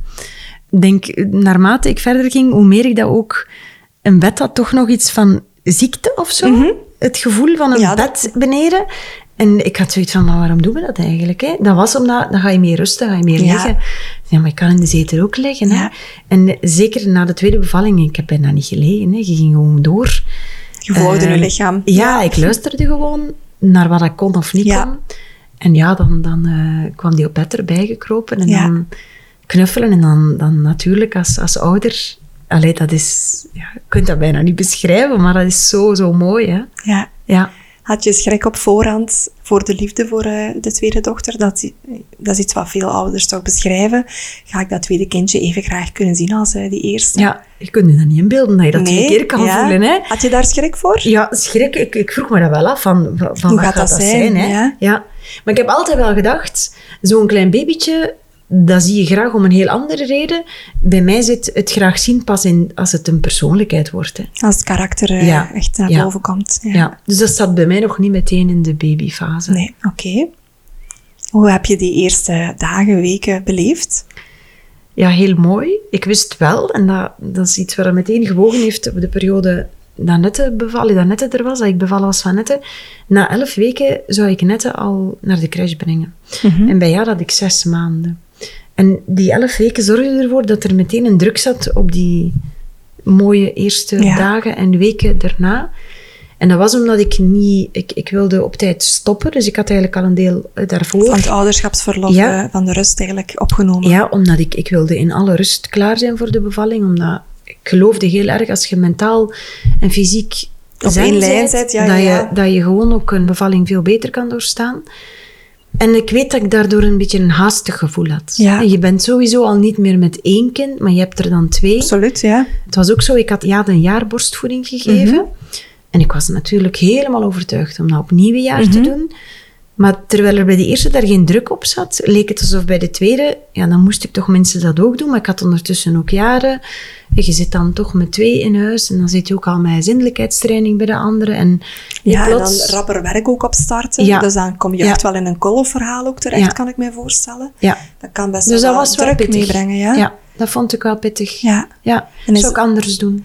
Hoe zou je het anders doen nu? Ehm, ja, sowieso droom ik ervan dat we naar een systeem zouden komen dat er langer betaald zwangerschapsverlof is. hè. Als we kijken naar Scandinavische landen, Mhm. dan kan ik bijna niet begrijpen dat zowel voor de beide partners, Ja. hè, dat er een heel ander verhaal komt, want dat blijft absurd. En nu ondertussen is het tien dagen, denk ik, maar in het begin Ja. hadden we bij jaren, alleen we net, was dat nog minder hè, voor de papa. Ja. Allee, dat begin ik onbegrijpelijk, vind ik echt onbegrijpelijk. Dus ja, ik zou sowieso wensen dat er voor iedereen een langere periode is. Mhm. Maar je moet natuurlijk keuzes maken. Hè. Je hebt eh, ondertussen ook rekeningen te betalen. En ja, ik ben nooit... Ik weet dat er ook zowel vrouwen zijn die dat wel voelen. Ik heb nooit de drang gevoeld van... En nu moet ik hier weg uit mijn mama-rol. Mhm. En nu moet ik terug eh, de ander kunnen doen. dat moment heb ik niet bereikt, omdat bij ja, na zes maanden voelde dat heel Nou, goed organisch. Ja, om dan, om dan te starten. En bij Nette voelde het eigenlijk te snel aan. Ja. ja. Kon je dat toen aangeven aan jouw toenmalige partner of huisarts of zo bijvoorbeeld, iemand in jouw omgeving? Ja, ik denk dat ik dat wel had gekund, maar je zit toch een beetje in het idee van, ik, ik moet hierdoor, hè, zoals we vaak denken. Ik moet dat maar doen, anderen doen dat ook. Hè. Ja. En je weet dat het moeilijk is om je kind los te laten. En je weet dat het eh, tegen de natuur invoelt, maar anderen doen het ook, dus ik ga ook door. Ja. Ik, ik was dus heel snel mee van, oké, dit is nu eenmaal hoe het moet. Ja, ik heb er eigenlijk geen keuze in. Ja, ja. We, we gaan daarvoor. Hè. Ja. Eh, Dus je bent na elf weken terug part-time. werken? Wel part-time, ja. Heb je de borstvoeding nog proberen verder Ja, zetten toen? ja, Ja, het is ook tot elf maanden gelukt. Dus een maand minder, maar wel tot elf maanden. Dus dat was zo, Ja. veel kolven. En, Ja, en, Hoe werd dat ja. ontvangen eh, op school? Ja, ik heb daar niet zo heel veel aandacht aan besteed, maar dat was dus wel kolven in toiletten. Ja. Daar was weinig charme aan. Ja. Ja. Wisten collega's het dat je deed of niet? Ik denk zeker dat er een paar mensen het wisten, want ik had dan natuurlijk ook wel de Ja, potjes die de ik in de frigo staan, moest ja. zetten. Maar ik, ja, ik weet niet, er was toch niet zo... Dat lag ook aan mij, dat ik daar niet zo openlijk veel over zei. Kende je collega's die het al gedaan hadden? Er was één iemand die dat ook gedaan had, eh, nog niet zo heel lang dan voordat ik het deed, maar niet zo heel veel eigenlijk. Maar nu bijvoorbeeld, de laatste jaren hoor ik het wel meer, dat Mhm. er dan wel luid op, over gepraat wordt. Ook dat er een andere plaats wordt Ja, gekozen. het is ook een recht. Hè? De Ja. werkgever moet inderdaad Ja. eigenlijk een hygiënische plaats voorzien. Ja. Hè? Ja. Nu, had ik het gevraagd, had ik het wellicht ook gekregen. Maar ik, ik weet niet zo goed. Je zit in een soort overlevingsmodus en je denkt, dat ik ga vooruit en het gaat me wel lukken. En het is mijn keuze, dacht ik ook, om zo lang borstvoeding te geven. Dus ik moet dan ook de gevolgen dragen van het feit dat ik dat per se nog wil doen. Ja. Dat is eigenlijk gek, hè? Maar zo, dat is zo de modus waarin je geraakt Mhm. Ja. van... Wij kiezen ervoor om dat zo te doen. Want ja, natuurlijk... eh dat Dus je wilt daar vooral niemand anders mee belasten. Ja, dat Ja. is het eigenlijk. Het is pijnlijk eigenlijk. Hè? Ja, en ik denk, ik ben er echt van overtuigd als je dat meer zou delen en dat, je dat, dat er mensen wel bereid zouden zijn om te zeggen, oh ja, natuurlijk, Ja. we gaan zorgen dat er een ruimte is en we willen dat mee ondersteunen. Ja. Maar het is inderdaad, doordat het niet wordt uitgesproken, Ja, of dat je niet weet dat het ertoe een optie is, en eigenlijk ook een recht is. ja, Gelukkig tot minstens negen maanden al, maar het zou langer mogen zijn. ja, Maar ehm, dat is het. Hè. Vaak, vaak weten we gewoon niet dat het een recht is en dat uw werkgever een veilige, een, een hygiënische plaats moet voorzien. Hè. Ja. Als het vaker gebeurt, zet het alleen maar andere mensen ook meer aan om het gewoon te doen. Hè. zeker. Ja. Want jammer genoeg hebben nog altijd heel veel mama's die borstvoeding geven, die het ook wel graag doen. Het gevoel van, ja, ik moet afgebouwd zijn tegen dat ik terug aan de slag moet. Hè. Ja, is jammer hè. Heel jammer, zeker, zeker. Ja. Oké, vertel mij verder in het verhaal. Er zit een heel stukje tussen de twee Ja. meisjes en jullie zoontje. Ja, Je hebt een nieuwe partner eh, ontmoet. ja. En eh, ik was de 40 voorbij. Dus ik dacht, oké, ik heb twee kinderen. Ja. Dit, dat verhaal van eh, moeder zijn zit nu in een andere fase. Ja. Ik had een spiraaltje. Dus ik dacht ook, ehm, nee, alles is in orde. Maar ik werd zwanger. Oké. En, En jouw huidige 42. partner, had hij al kinderen? Nee. Nee. En hadden jullie het ooit besproken? Oh ja, dat was voor hem natuurlijk een droom waarvan hij dacht dat hij nooit ging werkelijkheid worden. Want was het voor jou een uitgemaakte zaak van, nee, ik wil het niet meer? Of? Ja, ik dacht gewoon, ik ben te oud. Ja. Ik, eh, ik dacht van, dat gaat niet lukken. Maar ik wou dat natuurlijk wel, want ik vond dat zo magisch. Mhm. het, eh, behalve de eerste drie maanden van de zwangerschap, of Mhm. vier maanden. Maar daarna, ik vond zwanger zijn heel fijn. Ik vond de bevallingen, zeker de eerste weken, maanden. Allee, ik vond het gewoon heel fijn. Mhm. En ik had wel heel graag drie kinderen gehad. Dus ik zei niet nee natuurlijk. Hè. Ja. Want ik zei wel, ik had een spiraaltje, maar ik had dus een spiraaltje. En op een bepaald moment ging ik het laten wegnemen. En ging ik dus gewoon overgaan tot de pil. Dat was dus Ah, ja. mijn plan. Ja. En dus ik, ik, ik, ik bekijk eigenlijk van welke stappen ik moet zetten. En ik ben ervan overtuigd dat ik helemaal geen gat heb, bij wijze van spreken, tussen de bescherming van mijn spiraaltje en de opstart van mijn pil. Anticonceptiepil. Ja. Ja. En dat verliep ook zo maandenlang goed. Ja. Maar ik had wel weinig ehm, Bloedingen. bloedingen. En ik dacht dat dat kwam doordat ik een spiraal had gehad. Dus Mhm. ik kon het allemaal niet zo goed volgen. Ik wist niet, eh, hoe, hoe volg ik hier nu? Van wat is hier nu Wat is mijn cyclus ja, nu wat is hier nu normaal of niet normaal? Waardoor ik ook niet door had dat ik op een bepaald moment dus eigenlijk wel zwanger was. Ja. En het was mijn partner, die nogthans nog nooit een zwangerschap of een bevalling had meegemaakt, die op een bepaald moment zei, ik zei, ah, mijn borsten doen zo pijn, echt waar, kom er niet aan. Het is echt, Kijk er ja, naar. het doet echt zo pijn, dit kan niet. En die zei, oh nee, zei die, zei die jij zwanger? En ik zo, maar nee, dat kan niet. Ja. Dat kan echt niet. En dan dus ja, bed uit, zo was in de ochtend, meteen een zwangerschapstest gaan kopen. Ja. Die meteen ook Gedaan. gedaan. En dat was direct prijs. En dan hadden wij zoiets van, oh jee. Wij waren ook nog niet zo heel lang samen. Dat maakte het ook allemaal wel heftig. Ik was op dat moment 42 jaar, maakte het ook heftig. Ik had al twee kinderen die dan op dat moment 11 en 13 Mhm. waren. Ook wel niet zo evident. Je zit in andere fases van je leven, ook op eh, professioneel vlak. En dan, oh nee, echt, het meende toch niet. Ik kan dat niet zo zijn. Maar het was meteen een grote, grote vreugde. Oké. Ja, Toch grote wel, vreugde. Van, ja, dit is een liefdeskind. Ja. Dat gaan we helemaal eh, ja, warm onthalen. Ja. Eh, dat is prachtig. Maar wel natuurlijk anders dan bij de eerste twee.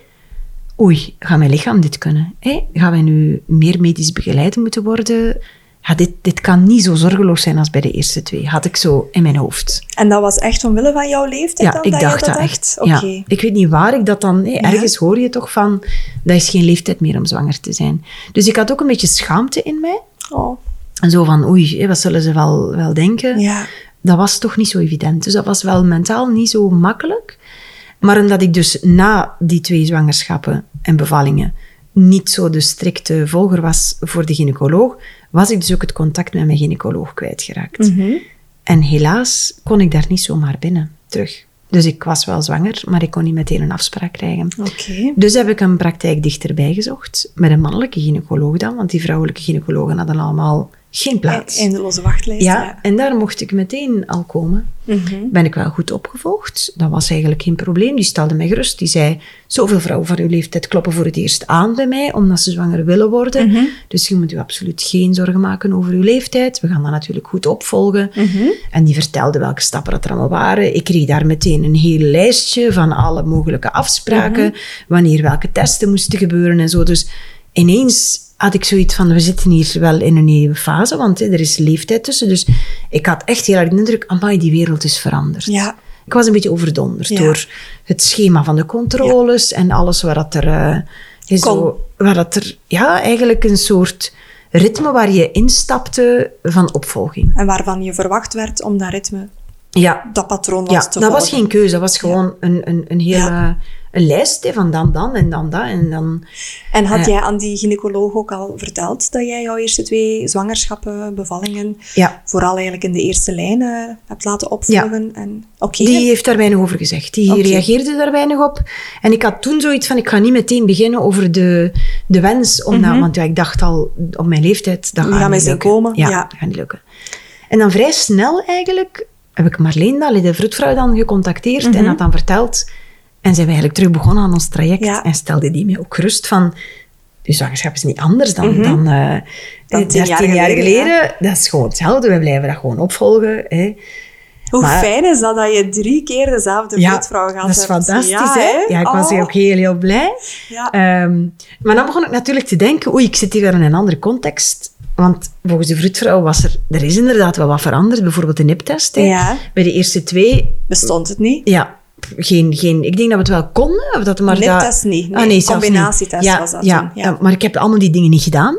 En nu plots... Ik weet nog dat die gynaecoloog zei, en dan is de niptest. En dat ik dacht van, huh? Wa- wa- is er geen keuze meer of zo? Hè? En zij stelde me dan wel gerust. Zij vertelde dan van wat er inderdaad veranderd is doorheen de jaren. Eh, waarom, welke reden, hé, waar het erachter zat. Dus, dus dan voelden we ons ook wel... Ja, begrepen we eigenlijk beter wat Ja. er op ons afkwam. En had je dan ook wel het gevoel van, oké, ik heb hier wel een keuze om, om deze test bijvoorbeeld al dan niet te doen?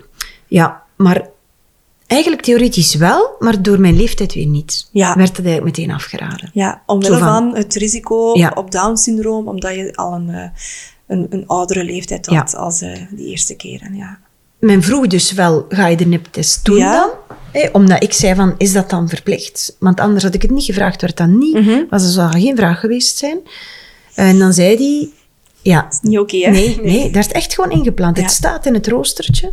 En dan zei hij wel, gezien uw leeftijd lijkt me dat. En dan dacht ik, oké, daar kan ik wel inkomen. Ik had dan wel wat opgezocht ook. En dan dacht ik, oké, Ja. dan eh, kan je zo wel wat begrijpen dat dat dan misschien wel moet. Maar dan kwam ik op het punt, ik weet niet... niet, nooit moeten, hè? Ja, ja, ik weet Nee. het, maar voor mij dan, Ja, om mij gerust te stellen. Ja. Ehm, want dan ben je drie maanden ver, denk ik, hè, bij de niptest. En toen dacht ik van, ik wil eigenlijk gewoon een vrouw. Ik, Ja. ik, ik wil gewoon de stap zetten naar een vrouw. Niet dat ik... Ik had eigenlijk goede ervaringen gehad met deze gynaecoloog. Ik had niet het gevoel dat hij iets fout had gezegd. Of dat hij, maar het voelde toch voor mij alsof het zal de laatste keer zijn. Ja. Het is voor mijn partner dan de eerste keer. Ik wil het gewoon ook zo goed mogelijk doen naar wat ik belangrijk Ja. vind.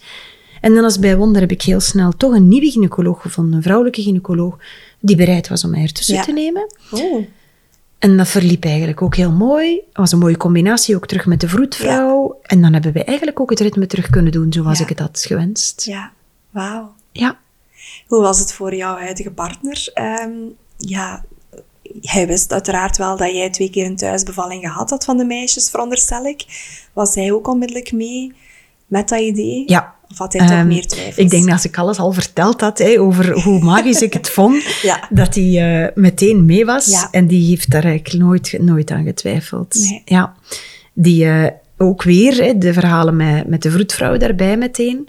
Het leek voor hem een heel logische Ja. keuze. Voelde En, hij eh, ook die klik? Ja. Ja, Ja. dat is ook belangrijk. Ja, ja, zeker. Jij had al een band opgebouwd met die vroedvrouw, maar voor hem was het wel nieuw natuurlijk. Ja.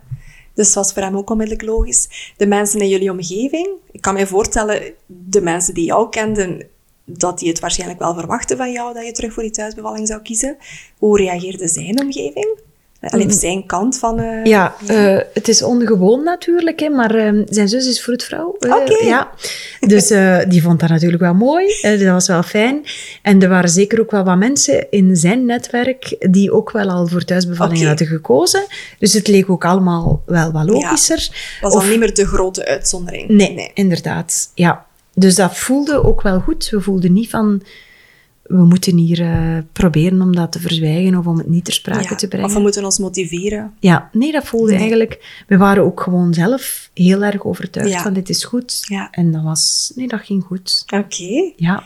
Heb je deze zwangerschap tot het einde kunnen werken? Of ben je ook vroeger gestopt om je mentaal en fysiek wat voor Ja, te ik bereiden? ben eh, vier weken voor de uiteindelijke datum gestopt. Oké. Ik had een hele fijne zwangerschap. Ik had een beetje bekkeninstabiliteit, maar niet echt heel erg veel. Maar ehm, ah, ik heb genoten van eh, zoveel mogelijk. eh, ik vond het heerlijk. Ik vond Ja. het heerlijk. En natuurlijk twee dochters, eh, 11 en 13, die alles mee konden volgen. Ja, want hoe was het inderdaad voor hen? Ah, dat was prachtig. Dat, Dat, lijkt is, me zo'n mooi voorbeeld om als, als meisje op te groeien en heel bewust ook te kunnen herinneren Ja, hoe jouw mama... ja. Ja, Zij waren wel, op het moment dat je dat dan deelt, dat je zwanger bent, en dan ben je meestal toch al een beetje verder. En ik weet nog, eh, zij vonden dat echt erg, dat zij niet meteen vanaf de positieve zwangerschapstest... Ja, ja. allee, dat, wij zijn toch, dat wordt ons broer, hè? Bedoel, wij moeten dat toch weten, hè? Nee, dat, dat, zij voelde zich heel erg eh, betrokken. Oh, dat was heel fijn en heel zorgzaam naar mij toe. Naar, allee, dat, was, dat is mooi, hè? Dat is, ik had een beetje schrik om het te delen, omdat ik dacht, ja, natuurlijk, de, de realiteit gaat veranderen voor hen. Alleen nog maar te denken aan de aandacht die er naartoe gaat gaan. Het feit dat je met drie kinderen zal zijn. Dat ik toch als mama een heel andere positie zal innemen ten opzichte van hen. Mhm. En, en ja, gewoon het wereldje wat zij kenden zou Ging niet helemaal meer... veranderen, Ja, ging ja. helemaal veranderen. En speelde ook het aspect mee, je zat in een co-ouderschapsregeling. Vond je dat ook moeilijk, beseffende dat dit kindje fulltime bij jou ging zijn Ja, en dat je de meisjes wel parttime dan ging moeten Klopt. missen? Ja, dat vond ik een heel moeilijke stap. En zij vonden dat meteen oké, van dan hebben we, eh, kunnen we genieten en terug weer loslaten, dat komt wel goed. Ik zat heel erg in met hun broer, die dan ging binden en moeten loslaten Ja. telkens. Daar, ehm, En, de context niet ging snappen, zo ja, jong misschien. Ja, en dat is iets nu dat ik ook nog steeds wel heel erg mee opbouw. En natuurlijk, ondertussen, ze wonen ook niet zo ver van waar ik Mhm. woon, dus ze springen ook wel binnen. En je hebt ondertussen WhatsApp. Ja, en je ja, ja. kan van alles doen Ja. om de realiteit binnen te brengen. En Ja. we stappen dan eens in de kamer binnen van Jade of van Nette. En we vertellen dan hé, nog twee keer slapen en ze zijn er. Ja. Maar dat is zeker wel een gegeven waar daar rekening mee moet gehouden worden. Want ja, het is wel een gemis, hè. Mhm, Ja. mhm. Ja, want ehm, ik hoor dat soms wel van mama's die al een, een- inderdaad nu in een tweede relatie bijvoorbeeld opnieuw zwanger zijn, die dat inderdaad ook aangeven van ja, dat, het oudste kindje gaat bijvoorbeeld parttime niet bij mij zijn. Ja, ik ben bang hoe dat hij dat gaat ervaren, maar inderdaad het perspectief van het kindje dat komt. Hoe is het voor dat kindje dat komt om ook parttime een broer of zus te moeten missen? Dat is een beetje de omgekeerde gedachtegang die, Ja. die niet altijd alle vrouwen maken, al in de zwangerschap, of waar je niet altijd bij stilstaat op voorhand. Had ik natuurlijk wel. En dat komt omdat ik natuurlijk met ja en netten al kon communiceren. Ja. Dus had ik het gevoel dat je al dingen kon duiden. En je kan ook al eens bellen of je kan. Maar een kind van één of twee, dat gaat natuurlijk niet. Hè? Uiteraard vind ik het voor hen ook erg. Hè? Maar ik dacht dan ook soms, ah, dan kunnen ze eens een week slapen zonder Ja. babygeluid. ik dacht ook zo. Ja. Hè, dus dat dacht Ja. ik ook. Dan kunnen ze terug gewoon tiener zijn. Lekker puber zijn, Ja, zonder dat er daar een, eh, een kleine baby of een peuter in huis is. Dus ik dacht dan eerder ook een soort bevrijding. Maar voor hem dacht ik wel van, hoe leg je dat uit? Eh, die Ja. kan dat niet vatten. Hè? En Ja. nog steeds nu is dat moeilijk. En ik voel mij ook pas compleet als iedereen in Ja. huis is. Ik denk dat elke mama die part-time mama is door een co-ouderschap of door welke situatie ook voelt, je bent pas compleet als iedereen in huis is. Hè?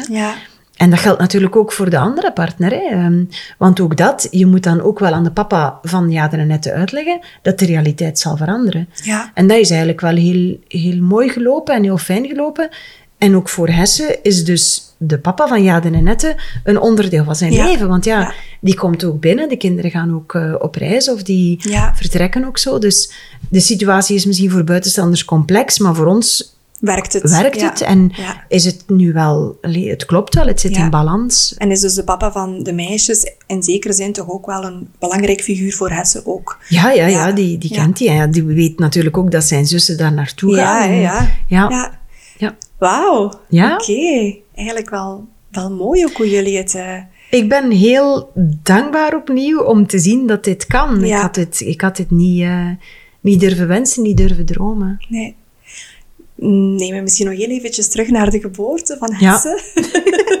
Bij mij is het een crescendo. Als, als we het eerste verhaal hebben, niet dat dat een drama was, helemaal niet. Maar het tweede ging makkelijker en het derde is gewoon... Ik had heel veel harde buiken. Echt al pff, vanaf week 35, 36. Ja. Maar ik was natuurlijk heel rustig en heel kalm. Want ik wist, zolang ik geen hevige pijn heb, is er niks aan de hand. Ja. Rustig blijven, badje nemen. Maar ik registreerde wel regelmatig. En ik had soms zoiets van een uur en een half. Echt om de drie minuten. Echt waar. Dus ik vond het heel moeilijk in mijn hoofd om te weten wanneer gaat het nu Ja. echt beginnen.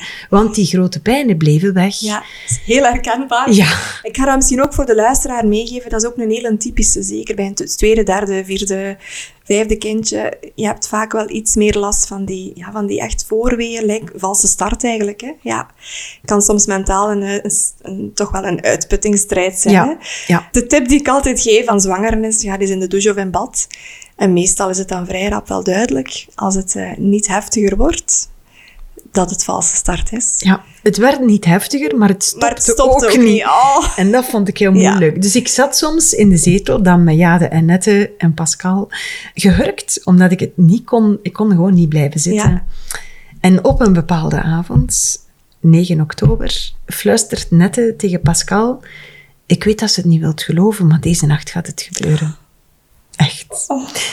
En dus de twee dames gaan slapen. En ik koos ervoor om beneden te liggen, Ja. omdat ik voelde dat ik onrustig was. En ik had al een paar keer gehad dat ik dacht, ik blijf beneden, dan kan ik al eens rondlopen Mhm. en zo. En dat gaat me wel lukken. Dus ik, eh, ik in de zetel. En ik had ook al de laatste week in de zetel al een soort beschermer gelegd. Voor moest mijn water breken, eh, dan... eh, Ik Mhm. dacht misschien bij net, eh, duurde het eh, tot de bevalling uiteindelijk dat mijn water brak. Maar je weet maar nooit, Nee, het kan ja. ook vroeger gebeuren. En toen werd ik... ehm, ik had nog niet echt geslapen, maar ik was een beetje aan het zoezen. Om half één voelde ik van, oei, in mijn vliezen breken. Dat is Het uur, hè, half één? Ja, het is hier helemaal nat. Ja. Dus direct gestuurd naar boven. Ik had gezegd, laat uw gsm zeker, Ja. kom maar naar beneden. Ja. Oké, die was heel rustig. Dat Welke termijn had je toen? Toen was ik 39 en 6. Oké, Ja, ja. dus echt Ja. schoon. Ja. Ja. En dus ik zei, ik ga Marleen bellen, heel rustig. Dus ik bel naar de vroedvrouw. Ik zeg, maar moet u niet haasten. Dus ik zeg, Ja. maar mijn water is eh, Ja. gebroken. Voelde je onmiddellijk ook al wat contracties of wat meer? Jawel, maar ik had nog geen pijn. Oké. Ja, dus ik zei, hé, je moet u zeker niet haasten. Trommelt. Hé, Het is gewoon begonnen. Maar zij kende mij denk ik beter dan ik zelf. En die is meteen in de auto gesprongen, want die moest wel een eindje rijden. En tegen dat ze er was, was mijn pijn al echt heel erg aanwezig. Mhm.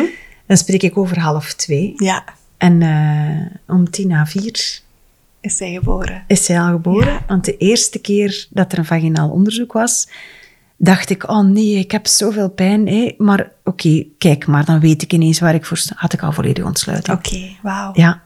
Ja. Dus het ging, eh, Als een trein. het ging als een trein. En eh, wel weer het laatste uur eh, mocht ik eigenlijk persen. En had ik weer hetzelfde, dat ik te veel dicht Ja. Dat, dat was weer het De puntje mentale blokkade ja, die je weer over moest. waar ik over moest. Dus daar bleef ik wel in zitten. Maar voor de rest, ja, prachtig hè. Echt weer ehm, zo mooi. Ja, ik zou het zo graag nog eens doen. dat gaat niet meer gebeuren. En waren de meisjes uh, En dat hadden we natuurlijk. Nee, dat hadden we Nee? doorgepraat. Ze hadden Ja. gezegd: we willen er zo snel mogelijk bij zijn, maar niet echt bij zijn. Oké. Hè, dus dat vonden we oké. En we hadden ook wel, Pascal en ik, tegen elkaar gezegd. hè, Want het, in, in de eerste overweldigende eh, tussen tien en vier en half vijf. Mhm. Denk ik, ja, we gaan ze roepen. Hè? Ze zijn daar klaar voor, Ja. bedoel. Hè? En dan hebben we toch nog gewacht, omdat ze moesten naar school ook. Ja. Eh, van dat ze dan toch in een achterst hadden. En Ja. dat alles gewoon lag exact op dezelfde plaats als dat ze vertrokken waren Ja. s'avonds. Maar ik zat alleen in de zetel samen met Pascal en dan met Oh. die kleine broer. Dus Pascal naar boven om ze wakker te maken. Het was dan half zes. En Ja. normaal gezien toch nog een uur en een half of zo voordat ze normaal Ja. opstonden. En net die veerde meteen recht en die wou meteen naar beneden. Maar het was de bedoeling dat ze samen naar beneden kwamen. En Jade die was zo'n beetje half slaperig. Ja. En die zei van, ja, ja, ik zal straks wel eens komen. Je had er niet meteen door dat het echt zo was. En dan zei hij, nee, nee, nee, nu naar beneden. Dus hij stormen naar beneden. Ja, en dat, dat, dat moment, dat vergeet ik nooit, nooit, nooit. Dat was natuurlijk prachtig, hè. En hij zag er ook al... Ja, het was, het was zo... Hij was ook, ik heb ook drie keren meteen een, een 10 op 10 gehad voor de score. Ja. Dus alles was meteen in orde. Ja, het, is, het, is, het, is, het kan dus ook heel mooi, heel rustig. eh, Heel sereen. heel sereen. Ja, Wauw. ja, zeer, zeer leuk. Ja. Daar wordt mijn vroedvrouwenhart heel warm van. Ja. Ja. ja, ik vind dat zo mooi. Echt. eh. Zijn de meisjes nog naar school willen gaan? Ja, ja. En, eh, en natuurlijk willen ze dat vertellen aan iedereen. Hè? Ja. Ja. ja, ze zijn wel vertrokken. Ja. Maar de nabijheid is natuurlijk heel mooi dat ze dat van Ja. nu ook. Ze zien elke stap, elke evolutie in volle bewustzijn. Ik was zelf negen jaar toen mijn klein broertje is geboren. Mhm. En mijn eh, mama is toen eh, per ongeluk thuis bevallen. Oké. Ja, eh, dus dat was helemaal niet de bedoeling. Dat ging zo snel. Dat was een vierde kind. En tegen dat er hulp was, was het te laat eigenlijk. Hè? Maar ik weet dat nog heel goed. En dat was toen echt niet zo fijn. Er moesten doeken in de oven gestopt worden, omdat als dat kind zou komen, dat die warm genoeg Ja. zou hebben. En dat was totaal niet voorbereid. En dat was, allee, dat was, niet, dat was niet tof.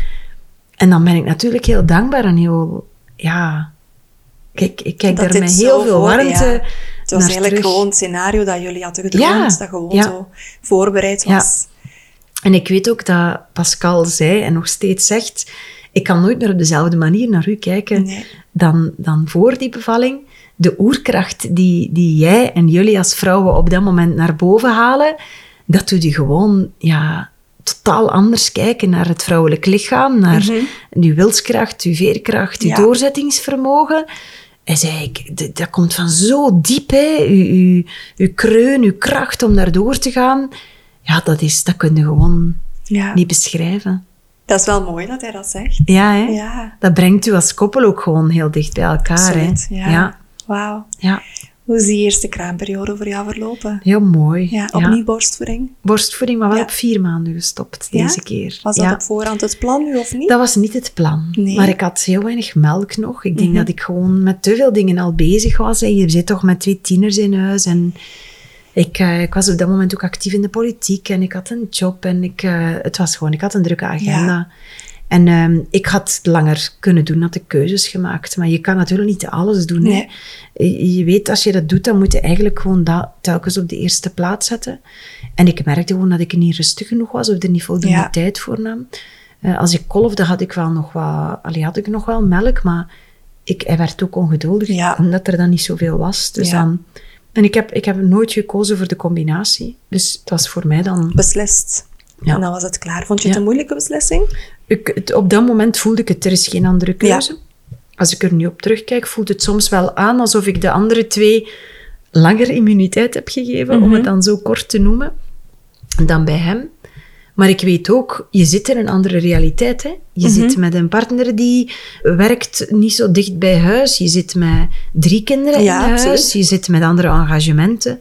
Je kan niet overen. Hè? Nee. Dus ik, ik voel me niet schuldig. Maar had ik het nu echt gedroomd, dan zou ik natuurlijk wel ook een jaar gegeven Ja. hebben. Maar dit was nu hoe het liep en Ja. hoe het kon. En ik ben heel dankbaar voor die drie, vier maanden natuurlijk. ja, hè. absoluut. Ja. Kan ik me wel voorstellen. Je hebt wel drie, vier maanden het hem eh, allee, kunnen Ja, geven. ja, en ik vind borstvoeding geven ook zoiets mooi. Dat vond ik wel moeilijk, omdat je weet, dit komt niet meer terug. Ja.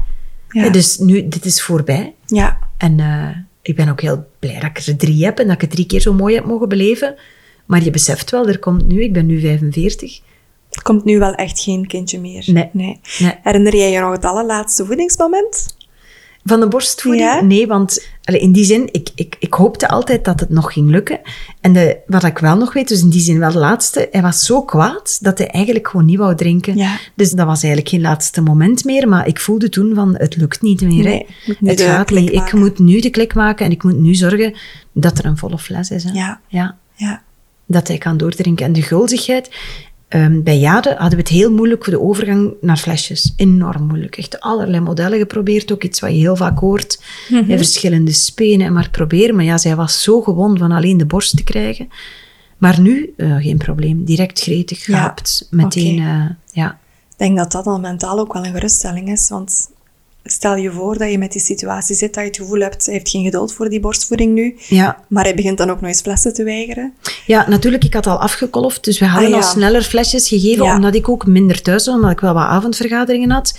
En ik heb ook wel met Hesse vanaf week één die meegenomen naar Brussel, naar vergaderingen. Naar... Ja.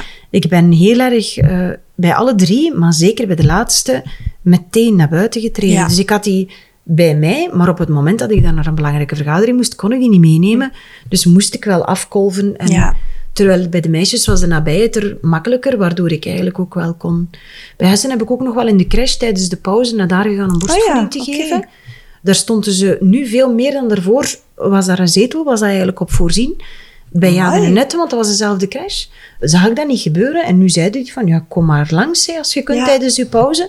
Dus ik ging dan smiddags. Ja. Ik had wel afgekolfde melk, voor moest ik er niet op tijd geraken. Ze hadden die in de diepvries.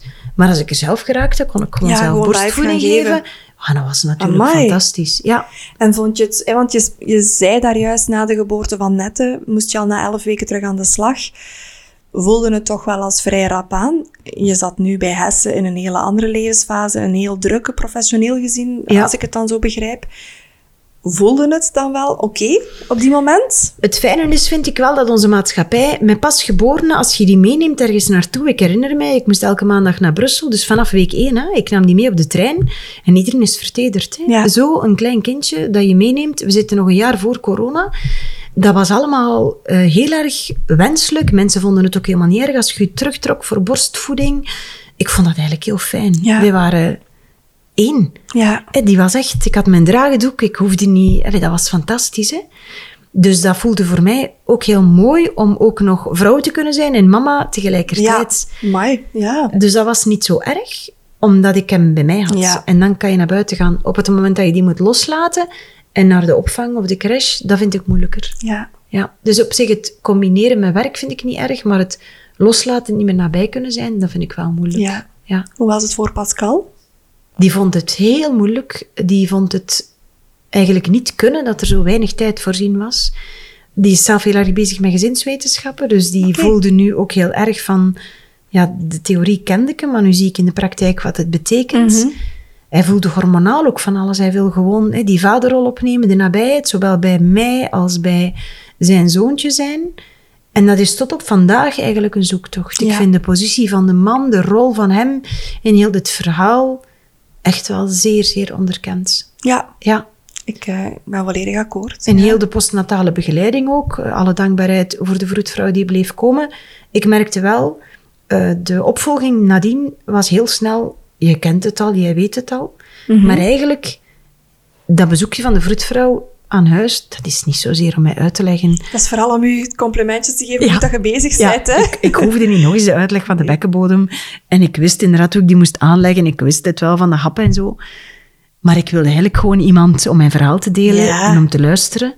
Iemand die gewoon naast jullie Ja. zit, hè? Ja. Ja. en dat merkte ik dan, dat de vroedvrouw uiteraard een drukke praktijk en zo. En misschien was dat evenveel keer als de andere keren, maar voor mij had dat dubbel zo lang mogen Ja. duren.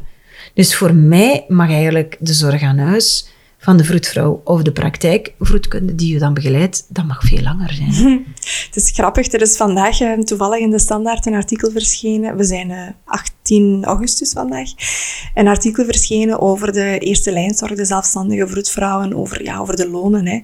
Zij worden echt schandalig onderbetaald. Ik denk dat heel veel vroedvrouwen niet liever zouden doen, maar ja, de rekeningen moeten ook betaald worden natuurlijk. En het moet kosten-baten mogelijk Ja. blijven. Hè. Maar ik denk dat heel veel vroedvrouwen niet liever zouden doen dan eh Ik denk dat er heel veel zou verholpen worden als Absoluut. die begeleiding, vooral ook omdat je in de thuiscontext zoveel ziet en zoveel kunt delen. Want je hebt uiteraard vragen en dan daarna de stap zetten naar iemand die het proces niet heeft meegemaakt, is toch wel veel stap, moeilijker. Ja. Want ehm, bij de eerste, dus bij jaren na de bevalling, de thuisbevalling, er moet altijd iemand aan huis komen, de eerste 24 uur, een dokter toch. En de huisarts die we toen hadden, die maakte bij die eerste controle een opmerking die mij zeer zwaar was gevallen. Die zei, als je dan toch alternatief wilt doen, verwijzend naar de thuisbevalling, Ja. en dan zei hij iets over de hielprik en over de vaccinaties. En dat is bij mij heel erg eh, zwaar gevallen, waardoor wij daarna nooit meer bij die huisarts zijn Ja. geweest. De huisarts die we dan hebben genomen, die zowel bij Nette als nu bij Hesse op bezoek is geweest, totaal ander verhaal. Ja. Alle steun en, en, en Respect. dat voelde heel fijn. Maar je gaat een huisarts niet storen Mhm. voor gewoon eens je verhaal te doen.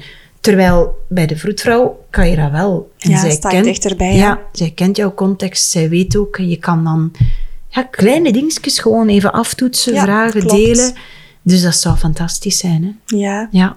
Had jij het gevoel dat er voor het mentale stuk een, een, een verschil was tussen ja, 11 jaar geleden, eh allee, 13 jaar geleden dan nu, en eh twee jaar geleden? Eigenlijk niet omdat we de vroedvrouw die ons begeleidde, had daar meteen aandacht Ja. voor. hè. Dus dat was zeker en vast. eh, dan misschien wel dat het langer had mogen doorlopen, om, om dan toch nog... Want het, het stopt niet na een paar dagen. Je blijft gewoon heel veel vragen hebben. En dat vind ik echt een, een, een gemis, dat vroedkunde gezien wordt, of toch veel beëindigd wordt op een moment dat het helemaal nog niet ten einde zou lopen Nee. of kan lopen. Nee. Dus dat vind ik wel. En zeker ook borstvoedingsgewijs, lactatiedeskundige, dat is toch nog echt wel een veel te groot hiaat in de begeleiding en in de opvolging van de mensen die dan thuis moeten zoeken hoe het dan maar moet. Hè? Ja, klopt. Dus dat is zeker en vast. Dus ik, ik ben blij met wat we gehad hebben. Zeker omdat het altijd dezelfde persoon was. Want ik denk dat dat een unicum is. ik denk, ja, Ja, denk zeker met zo'n tijdsverschil tussen. hè? Absoluut. En ook omdat er nooit een wisseling was in de praktijk of Mhm. Ja. zo, want eh, dat is gewoon heel moeilijk. We hebben wel gemerkt nu dat de begeleiding, we hebben dan opnieuw nu met Hessen de prenatale cursus gevolgd, Ja. Mhm. omdat Pascal nog nooit papa was geweest. Maar deze keer gebeurde dat niet meer in de huiselijke context, maar was dat wel al in een praktijk. Ja. En dat was ook al anders. Ja, en dat voelde anders aan. ja. En dan heb ik ook nog wel de rondleiding in het ziekenhuis gedaan met Pascal, omdat je weet nooit, Ja. stel dat er iets moet gebeuren, dat je toch tenminste weet waaraan of vooraf. Was trouwens ook voor ons belangrijk om te weten dat het een, een ziekenhuis was waar de vroedvrouw thuis Mee was. mocht, ja. Dus de keuze van de gynaecoloog was voor ons ook verbonden aan het ziekenhuis. Dat was ook wel belangrijk. Want dat is ook iets, ik, ik ging niet zomaar de gynaecoloog volgen die we eerst hadden, om de redenen die ik genoemd had, Ja. maar ook omdat ik eh, wou dat de persoon Die was aan een ander ziekenhuis aan een verbonden. ziekenhuis. Ja. En dat zou ik niet zitten. ja. En voor ons was die rondleiding, en het was een hele grote ploeg eh, toekomstige ouders. Ik hoop dat het niet te grof klinkt, maar ik vond dat horror. Ik vond dat echt verschrikkelijk. Het zien van die arbeidskamer, ik had het natuurlijk nog nooit meegemaakt, Mhm. want bij de eerste twee heb ik die rondleiding nooit gedaan. De manier waarop men vertelde over de kamers en over de opvolging, dat was echt, echt, dat voelde Stond zo helemaal... ver af. Ja, het voelde helemaal niet alsof dat iets was waar wij achter stonden. Dat stond haaks op wat wij wilden. Terwijl die andere toekomstige ouders blijkbaar daar wel zeer opgetogen over waren en de details wilden weten over de prijsverschillen tussen de kamers en zo. Voor ons, ja, echt. Het interesseerde- het interesseerde mij totaal niet. Nee. Ik hoopte natuurlijk wel, diep van binnen was er wel een stemmetje dat zei, ja, hou daar toch maar rekening mee aan, want je weet maar nooit... Dat kan wel zijn dat je daar ook komt en dan moet je daar ook gewoon dankbaar voor zijn dat je Ja, de hulp we- krijgt. Absoluut, hè. Ja, We hebben ze ik, nodig, eh, hè, de ja. tweede en de derde lijn. Alle vertrouwen daarin dat In dat dan wel goed zou zijn. ja. Maar het, ik werd er helemaal niet warm van. hè. Helemaal niet. En Pascal dus ook niet. Oh nee, nee, want die is vroeger doorgegaan. We hebben de rondleiding niet tot het einde gedaan. Oké. Het was echt niet zo oké. Maar dat heb gewoon, nog nooit meegemaakt. maar zo gewoon die gynaecologische stoel, die beugels, die, de, Ja. Dat zijn allemaal dingen die ik niet kende. Hè? Ja, nee. Ik heb nooit op die manier, ik heb nooit aan de monitor gelegen tijdens de bevalling. Dat, dat is zo, ik heb mij altijd vrij kunnen bewegen. Ik heb altijd, ik heb geen, geen schortje moeten aandoen of ik heb geen, Je hebt gewoon je instinct mogen volgen. ik heb volledig alles kunnen doen wat ik wou. Mijn thee, mijn kopje, met mijn geluiden, met mijn ja, Geuren, alles. alles gewoon. Hè? Ja. Hoe mooi is Dus- dat dat jullie dat drie keer hebben, dat Ja. drie keer hebt mogen beleven. Ja, ja, daar ben ik heel, heel blij om. En ik merk zo af en toe, als ik dat dan... hè, De meisjes nu zijn, zijn oud genoeg, als ze moeten delen waar ze geboren zijn. Ja. En dan zeggen ze beveren en dan zeggen de anderen... Nee, nee, dat kan niet, want er is al lang geen materniteit niet meer. en dan zeggen ze... Nee, nee, maar wij zijn thuis geboren. en nu zijn ze daar... Dat is een zekere fierheid. Ja. Zo van, hé, Oh. ik ben daar geboren. Ik vind het ook heel mooi om, om, om te beseffen welk idee zij hebben nu over geboorte. Hoe, hoe een natuurlijk iets het voor hen is. Ze hebben het zo, Mhm. zo van, van dichtbij mogen beleven. Ik denk dat dat een supergroot cadeau is. Stel dat zij zelf ooit kinderen zouden willen krijgen. Ja. Ik denk het vertrouwen dat zij al gewoon meegekregen hebben door het te zien. Ik denk dat dat magisch is. Ja, ik, ik, ik, het zou wat best zij, wat kunnen. zij ook beslissen. Ja, hè. inderdaad. Het maar zou ze best... hebben wel het voorbeeld gezien van, kijk, Je mag je eigen Ja. keuze maken. je mag je keuze maken. En het kan gewoon ook heel sereen, niet als een eh, traumatisch iets per se Ja. eh, verlopen. Iets wat we toch nog heel vaak eh, ja, horen, hè? dat Mhm. bevallingen als iets traumatisch, onoverkomelijks Ja. moeten doorstaan. Ja, absoluut. En, en als, als er natuurlijk tekenen zijn, ik denk dat ze ook goed voelen dat wij altijd vertrouwen hebben gehad in de geneeskunde en dat wij zeker ons hebben laten adviseren en dat wij niet kost van kost tegen welk advies in andere keuzes zouden maken. Maar dat je in eerste instantie wel kunt nadenken over Ja. wat kan ik wel zelf? Hè? Ja. Wat, wat kan er? En wat past bij jou? Ja. Ja, knap. Ik ben benieuwd zo, je hebt zelf eigenlijk, als ik het dan hoor, wel vrij oké eh, kraamperiodes gehad, mentaal gezien. En je hebt eigenlijk ook een mooie, mooie begeleiding gehad van een vroedvrouw die waarschijnlijk inderdaad veel meer aandacht besteedde dan gemiddeld aan dat mentale stukje.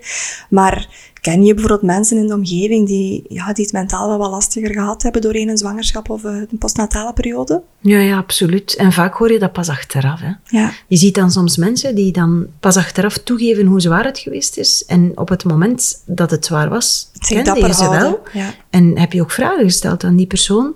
Maar komt het er niet? Dat, dat merk ik ook bij mezelf. Je zit in een soort modus dat we als vrouw dat toch allemaal maar moeten kunnen. Mhm.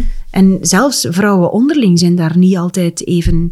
Ook al weten we het nu, toch voel je het nog altijd niet, niet sowieso aan Mhm. bij anderen. Ja. We zijn heel goed in het verstoppen van die moeilijkheden. Maar ik ben ongelooflijk blij met alle mogelijke eh, vrouwen die nu online via Instagram met stories en die eerlijkheid en die... Die transparant zijn, hè? Ja. ja. Ja, daar ben ik zeer, zeer blij om. Dus ik, ik merk zeker dat er vrouwen zijn die het moeilijk hebben en die nog steeds zoekende zijn, Mhm. omdat ze niet zo goed weten waar ze moeten aankloppen en hoe dat ze dan hulp moeten vinden. Mannen en vrouwen. Mhm. Ja. Ja, ja, ja. Ehm, Want ook dus die partners, er hè? niet. Absoluut, ja. En zeker omdat mannen zitten niet zo op Instagram zoals de vrouwen. Hè. Dus het zijn vooral vrouwen die delen. Mhm. En die, en oké, er zit nog ook altijd wel een hele wereld bij, waarbij alles draait rond wat gekocht moet worden om toch maar zeker de, de juiste kamer te hebben, het Ja. juiste speelgoed en de En juiste, het juiste kledij. potten om te eten. De commerciële druk is Ja. gigantisch. Dat heb ik ook enorm zien evolueren. Als ik dat vergelijk met de eerste twee en nu, eh, dat, dat vind ik echt uh, allee, Eigenlijk, eigenlijk schrijnend, hè? Ja. Want daar gaat het helemaal niet om, hè? Nee, nee, nee. nee. nee. Het is ook, wat mij ook wel als vroedvrouw vaak opvalt, de, de koppels tegenwoordig, of aanstaande ouders, willen zich wel heel goed voorbereiden op die bevalling. En hebben wel vaak een geboorteplan of, of kennen het geboorteplan al, weten wel wat, wat de opties kunnen zijn, maar denken helemaal niet over een kraamplan na. Over Ja. Wat als die baby er dan is, hoe gaan we het dan aanpakken? Wat willen wij graag? Welke ondersteuning willen wij? Heb jij daar zelf ook Nee, ik heb ook het gevoel dat daar precies een, een, een groot hiaat is. Dat ik niet zou weten van op wie doe je beroep. Het enige wat ik wel weet is dat je kraam hulp komt Mhm. eh, in. eh, Maar die komt dan koken of die mag dan eh, iets doen met de baby, maar die mag dan niet poetsen of zo. Dan zitten er dan direct een aantal zaken bij die wel en niet kunnen. Dat kende ik dan wel. Mhm. En ik, ik- er zijn wel een aantal plaatsen van ik wist van daar kan je terecht voor bijvoorbeeld draagdoeken. Ja. Maar eigenlijk is dat niet duidelijk. Er is, er is- in, in mijn droom zou er in elke dorp of stad een geboortehuis zijn, waar dat je terecht kan, waar dat die cursussen zijn, waar je een ontmoetingsplaats hebt en waarbij dat je dan eigenlijk gewoon weet, ik kan daar terecht. Zolang dat ik het nodig vind, kan ik daar terecht en weet ik Ja. gewoon dat er een community is. Want het is toch zo dat je als, als jonge ouders tijdelijk in een soort community zit. En sommigen vinden die nu online, maar heel veel mensen vinden die ook niet. Hè? Nee, hè. En online is er ook... mensen, Allee, daar is gewoon sowieso van alles te vinden, goed en minder goed. Mhm. Maar dat zou gewoon een droom zijn. En dat, daar zijn we zo ver af op dit moment. Maar dat zou voor mij fantastisch geweest zijn. Want je hebt ook heel veel vrouwen die tijdens die kraamperiode heel eenzaam zijn. Mhm. Omdat er mensen zijn die... eh, ja, bijvoorbeeld, ik ben drie keer heel dankbaar dat bij ons er nooit een, een zomaar bezoek is kunnen komen. We hebben altijd duidelijk afgesproken, dit is het telefoonnummer of mailadres en je, je, je reserveert. En ik ben altijd wel atrem genoeg geweest om te zeggen, nee, nee, het zijn niet zij die zeggen wij komen dan. Wij zeggen, dan is er nog plaats. Ja. Nee, ook de druk rond de baby, borrelen, rond alles is mij helemaal ontgaan. Dat heb ik niet gedaan. Ben ik, voor mij, ik kan begrijpen dat sommige mensen dat heel fijn vinden en er energie uithalen en daar heel dankbaar voor zijn, maar zoek daarin ook je eigen weg. Hè? Ja. Voor Ja. mij was dat niet. Ik, ik had geen zin om daar mij mee bezig te houden op dat moment. Ik wilde het liever intiem en rustig. Ja. En ik wil gesprekken kunnen voeren met mensen en niet 50 mensen tegelijk rondom mij. Ja. Maar sommige mensen vinden dat wel leuk. Maar eigenlijk zou er een soort, en ik huiver van het woord standaard, maar toch een soort standaard ehm, vragenreeks moeten zijn die iedereen doorloopt, waardoor je op basis daarvan, zowel voor, tijdens als na, tenminste voor jezelf de vragen hebt Ja, gesteld. dat je het voor jezelf eigenlijk duidelijk Ja. in kaart brengt van wat vinden wij nu belangrijk. Ja, maar dat is er niet. Nee. Dat is er niet. En dat, dat ontbreekt. En daardoor heb je natuurlijk mensen die heel veel weten, omdat ze zich goed kunnen omringen of toevallig een goed netwerk Mhm. hebben of op de juiste mensen zijn gebotst bij toeval of, of Ja. door zoektocht. Maar je hebt ook heel veel mensen die de weg niet vinden. Hè? Nee. Nee. Klopt. En daar zouden we toch echt iets aan moeten kunnen doen. Absoluut, ik eh, ben helemaal akkoord. Ik hoop mijn steentje daarin bij te dragen door deze podcast. Eh, ik weet dat ook niet iedereen zal bereiken. Maar eh, het is toch een gratis platform. En ja, ik hoop vooral dat mensen weten dat, dat zij de hulp verdienen. Niet alleen de fysieke begeleiding, maar vooral ook het mentale stuk. Hè. En dat we geïnformeerde keuzes kunnen maken. Hè. Ja, zeker en vast. En dat we daar niet alleen naar op zoek moeten gaan. hè. Nee, absoluut niet. Ja. Nee. Nee. is er nog iets wat jij zelf zou willen toevoegen, Anne? Ja, ik droom er ook wel van. Ik lees graag. hè. Podcast vind ik geweldig. Maar dat Bolle Buikenboek was voor mij een, een, eh, een zeldzaam iets Ja. in het geheel van de boeken die er toen waren. En ik, ik droom er ook wel van dat er een, een overzicht ergens is van wat het er eigenlijk allemaal is. Want los van wat we daarnet vertelden, dat er echt wel ja, een, een, een beter voortraject en natraject moet zijn, dat iedereen tenminste weet waaruit hij zou kunnen kiezen of welke vragen je moet stellen vind ik het ook fijn als mensen zichzelf kunnen informeren. En een platform waarbij dat al die linken en, en naslagwerk, ook daar heb ik het gevoel dat dat er nog altijd niet is. Ja. Er is zoveel versnipperde Info- informatie. Ja, en klopt. en dan, dan, dan weet je het eigenlijk niet waar je moet zoeken. Waar je moet beginnen, hè? Ja, Ja. klopt. Dat is. Ook natuurlijk met het risico dat als je iets gaat centraliseren, dat het dan ook misschien wel meer ja, tot een bepaalde consensus zal behoren. Terwijl het ook heel fijn is om de verschillende strekkingen die er zijn. Dat is ook iets wat je mag weten als, je, als jonge ouders. Er zijn strekkingen hè? en je mag jezelf positioneren. Je mag kijken van oké, voor ons is die weg beter of voor ons is die weg beter. Maar zelfs daarin moet je tenminste weten welke strekkingen er zijn. Ja. En dat is ook niet zo. Ik heb ook een paar boeken gelezen van een Franse gynaecoloog die een heel andere visie eh, had. En dan, dan denk ik, ja, iedereen kiest. Sommigen willen liever gewoon puur medisch, theoretisch weten. Voor mij is dat toch alvast. Anderen willen liever eh, veel meer context rond, maar dan kan je tenminste kiezen. Voilà, dat Ja. is het, hè? Ja, absoluut. Als je jezelf heel wat terugkijkend op ja, jouw volledige rit in het ouderschap tot hiertoe een, eh, een mooi compliment mag geven. Laat u Eh, ik denk dat ik altijd gekozen heb voor de authentieke weg. Ik heb altijd gekozen voor die dingen waar ik in geloof. Ja. En daardoor voelde het denk ik ook altijd echt en krachtig. En niet alles wat ik tot nu toe gedaan heb was perfect. Hè. Er zijn zeker momenten geweest dat ik twijfelde aan ben ik wel goed bezig of is dit wel de juiste weg. Maar ik wist wel dat het was wat ik zelf had gekozen in overleg met de papa. Ja. Je nam, Eh, je nam verantwoordelijkheid voor jouw eigen ja. keuzes. Ja. Ik heb mijn keuzes gemaakt en daarom ben ik er ook wel heel blij om. ja, En leer je er ook iets uit als het niet goed is, maar het was wel mijn weg. mooi. Dankjewel, Anne, om eh, ja, deze drie prachtige geboorteverhalen te delen met ons. Het is, eh, Het was heel fijn om het te mogen doen. Ja. Zoals je net kon ontdekken in de geboorteverhalen van Anne, is verloskunde niet zwart-wit. Als je één iets onthoudt van deze aflevering, hoop ik dat je inziet hoe belangrijk het is om je degelijk voor te bereiden. Ook wanneer je ervoor kiest om in de ziekenhuissetting te bevallen. Dat je zorgverleners durft te kiezen waar jij je comfortabel bij voelt. Zorgverleners die jouw wensen mee in de weegschaal leggen om samen beslissingen te kunnen nemen. Alleen zo maken we de geboortezorg mooier.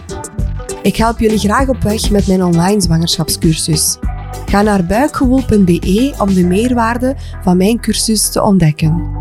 Bedankt om te luisteren en vergeet niet om deze podcast te delen met iedereen die hier iets aan zou kunnen hebben.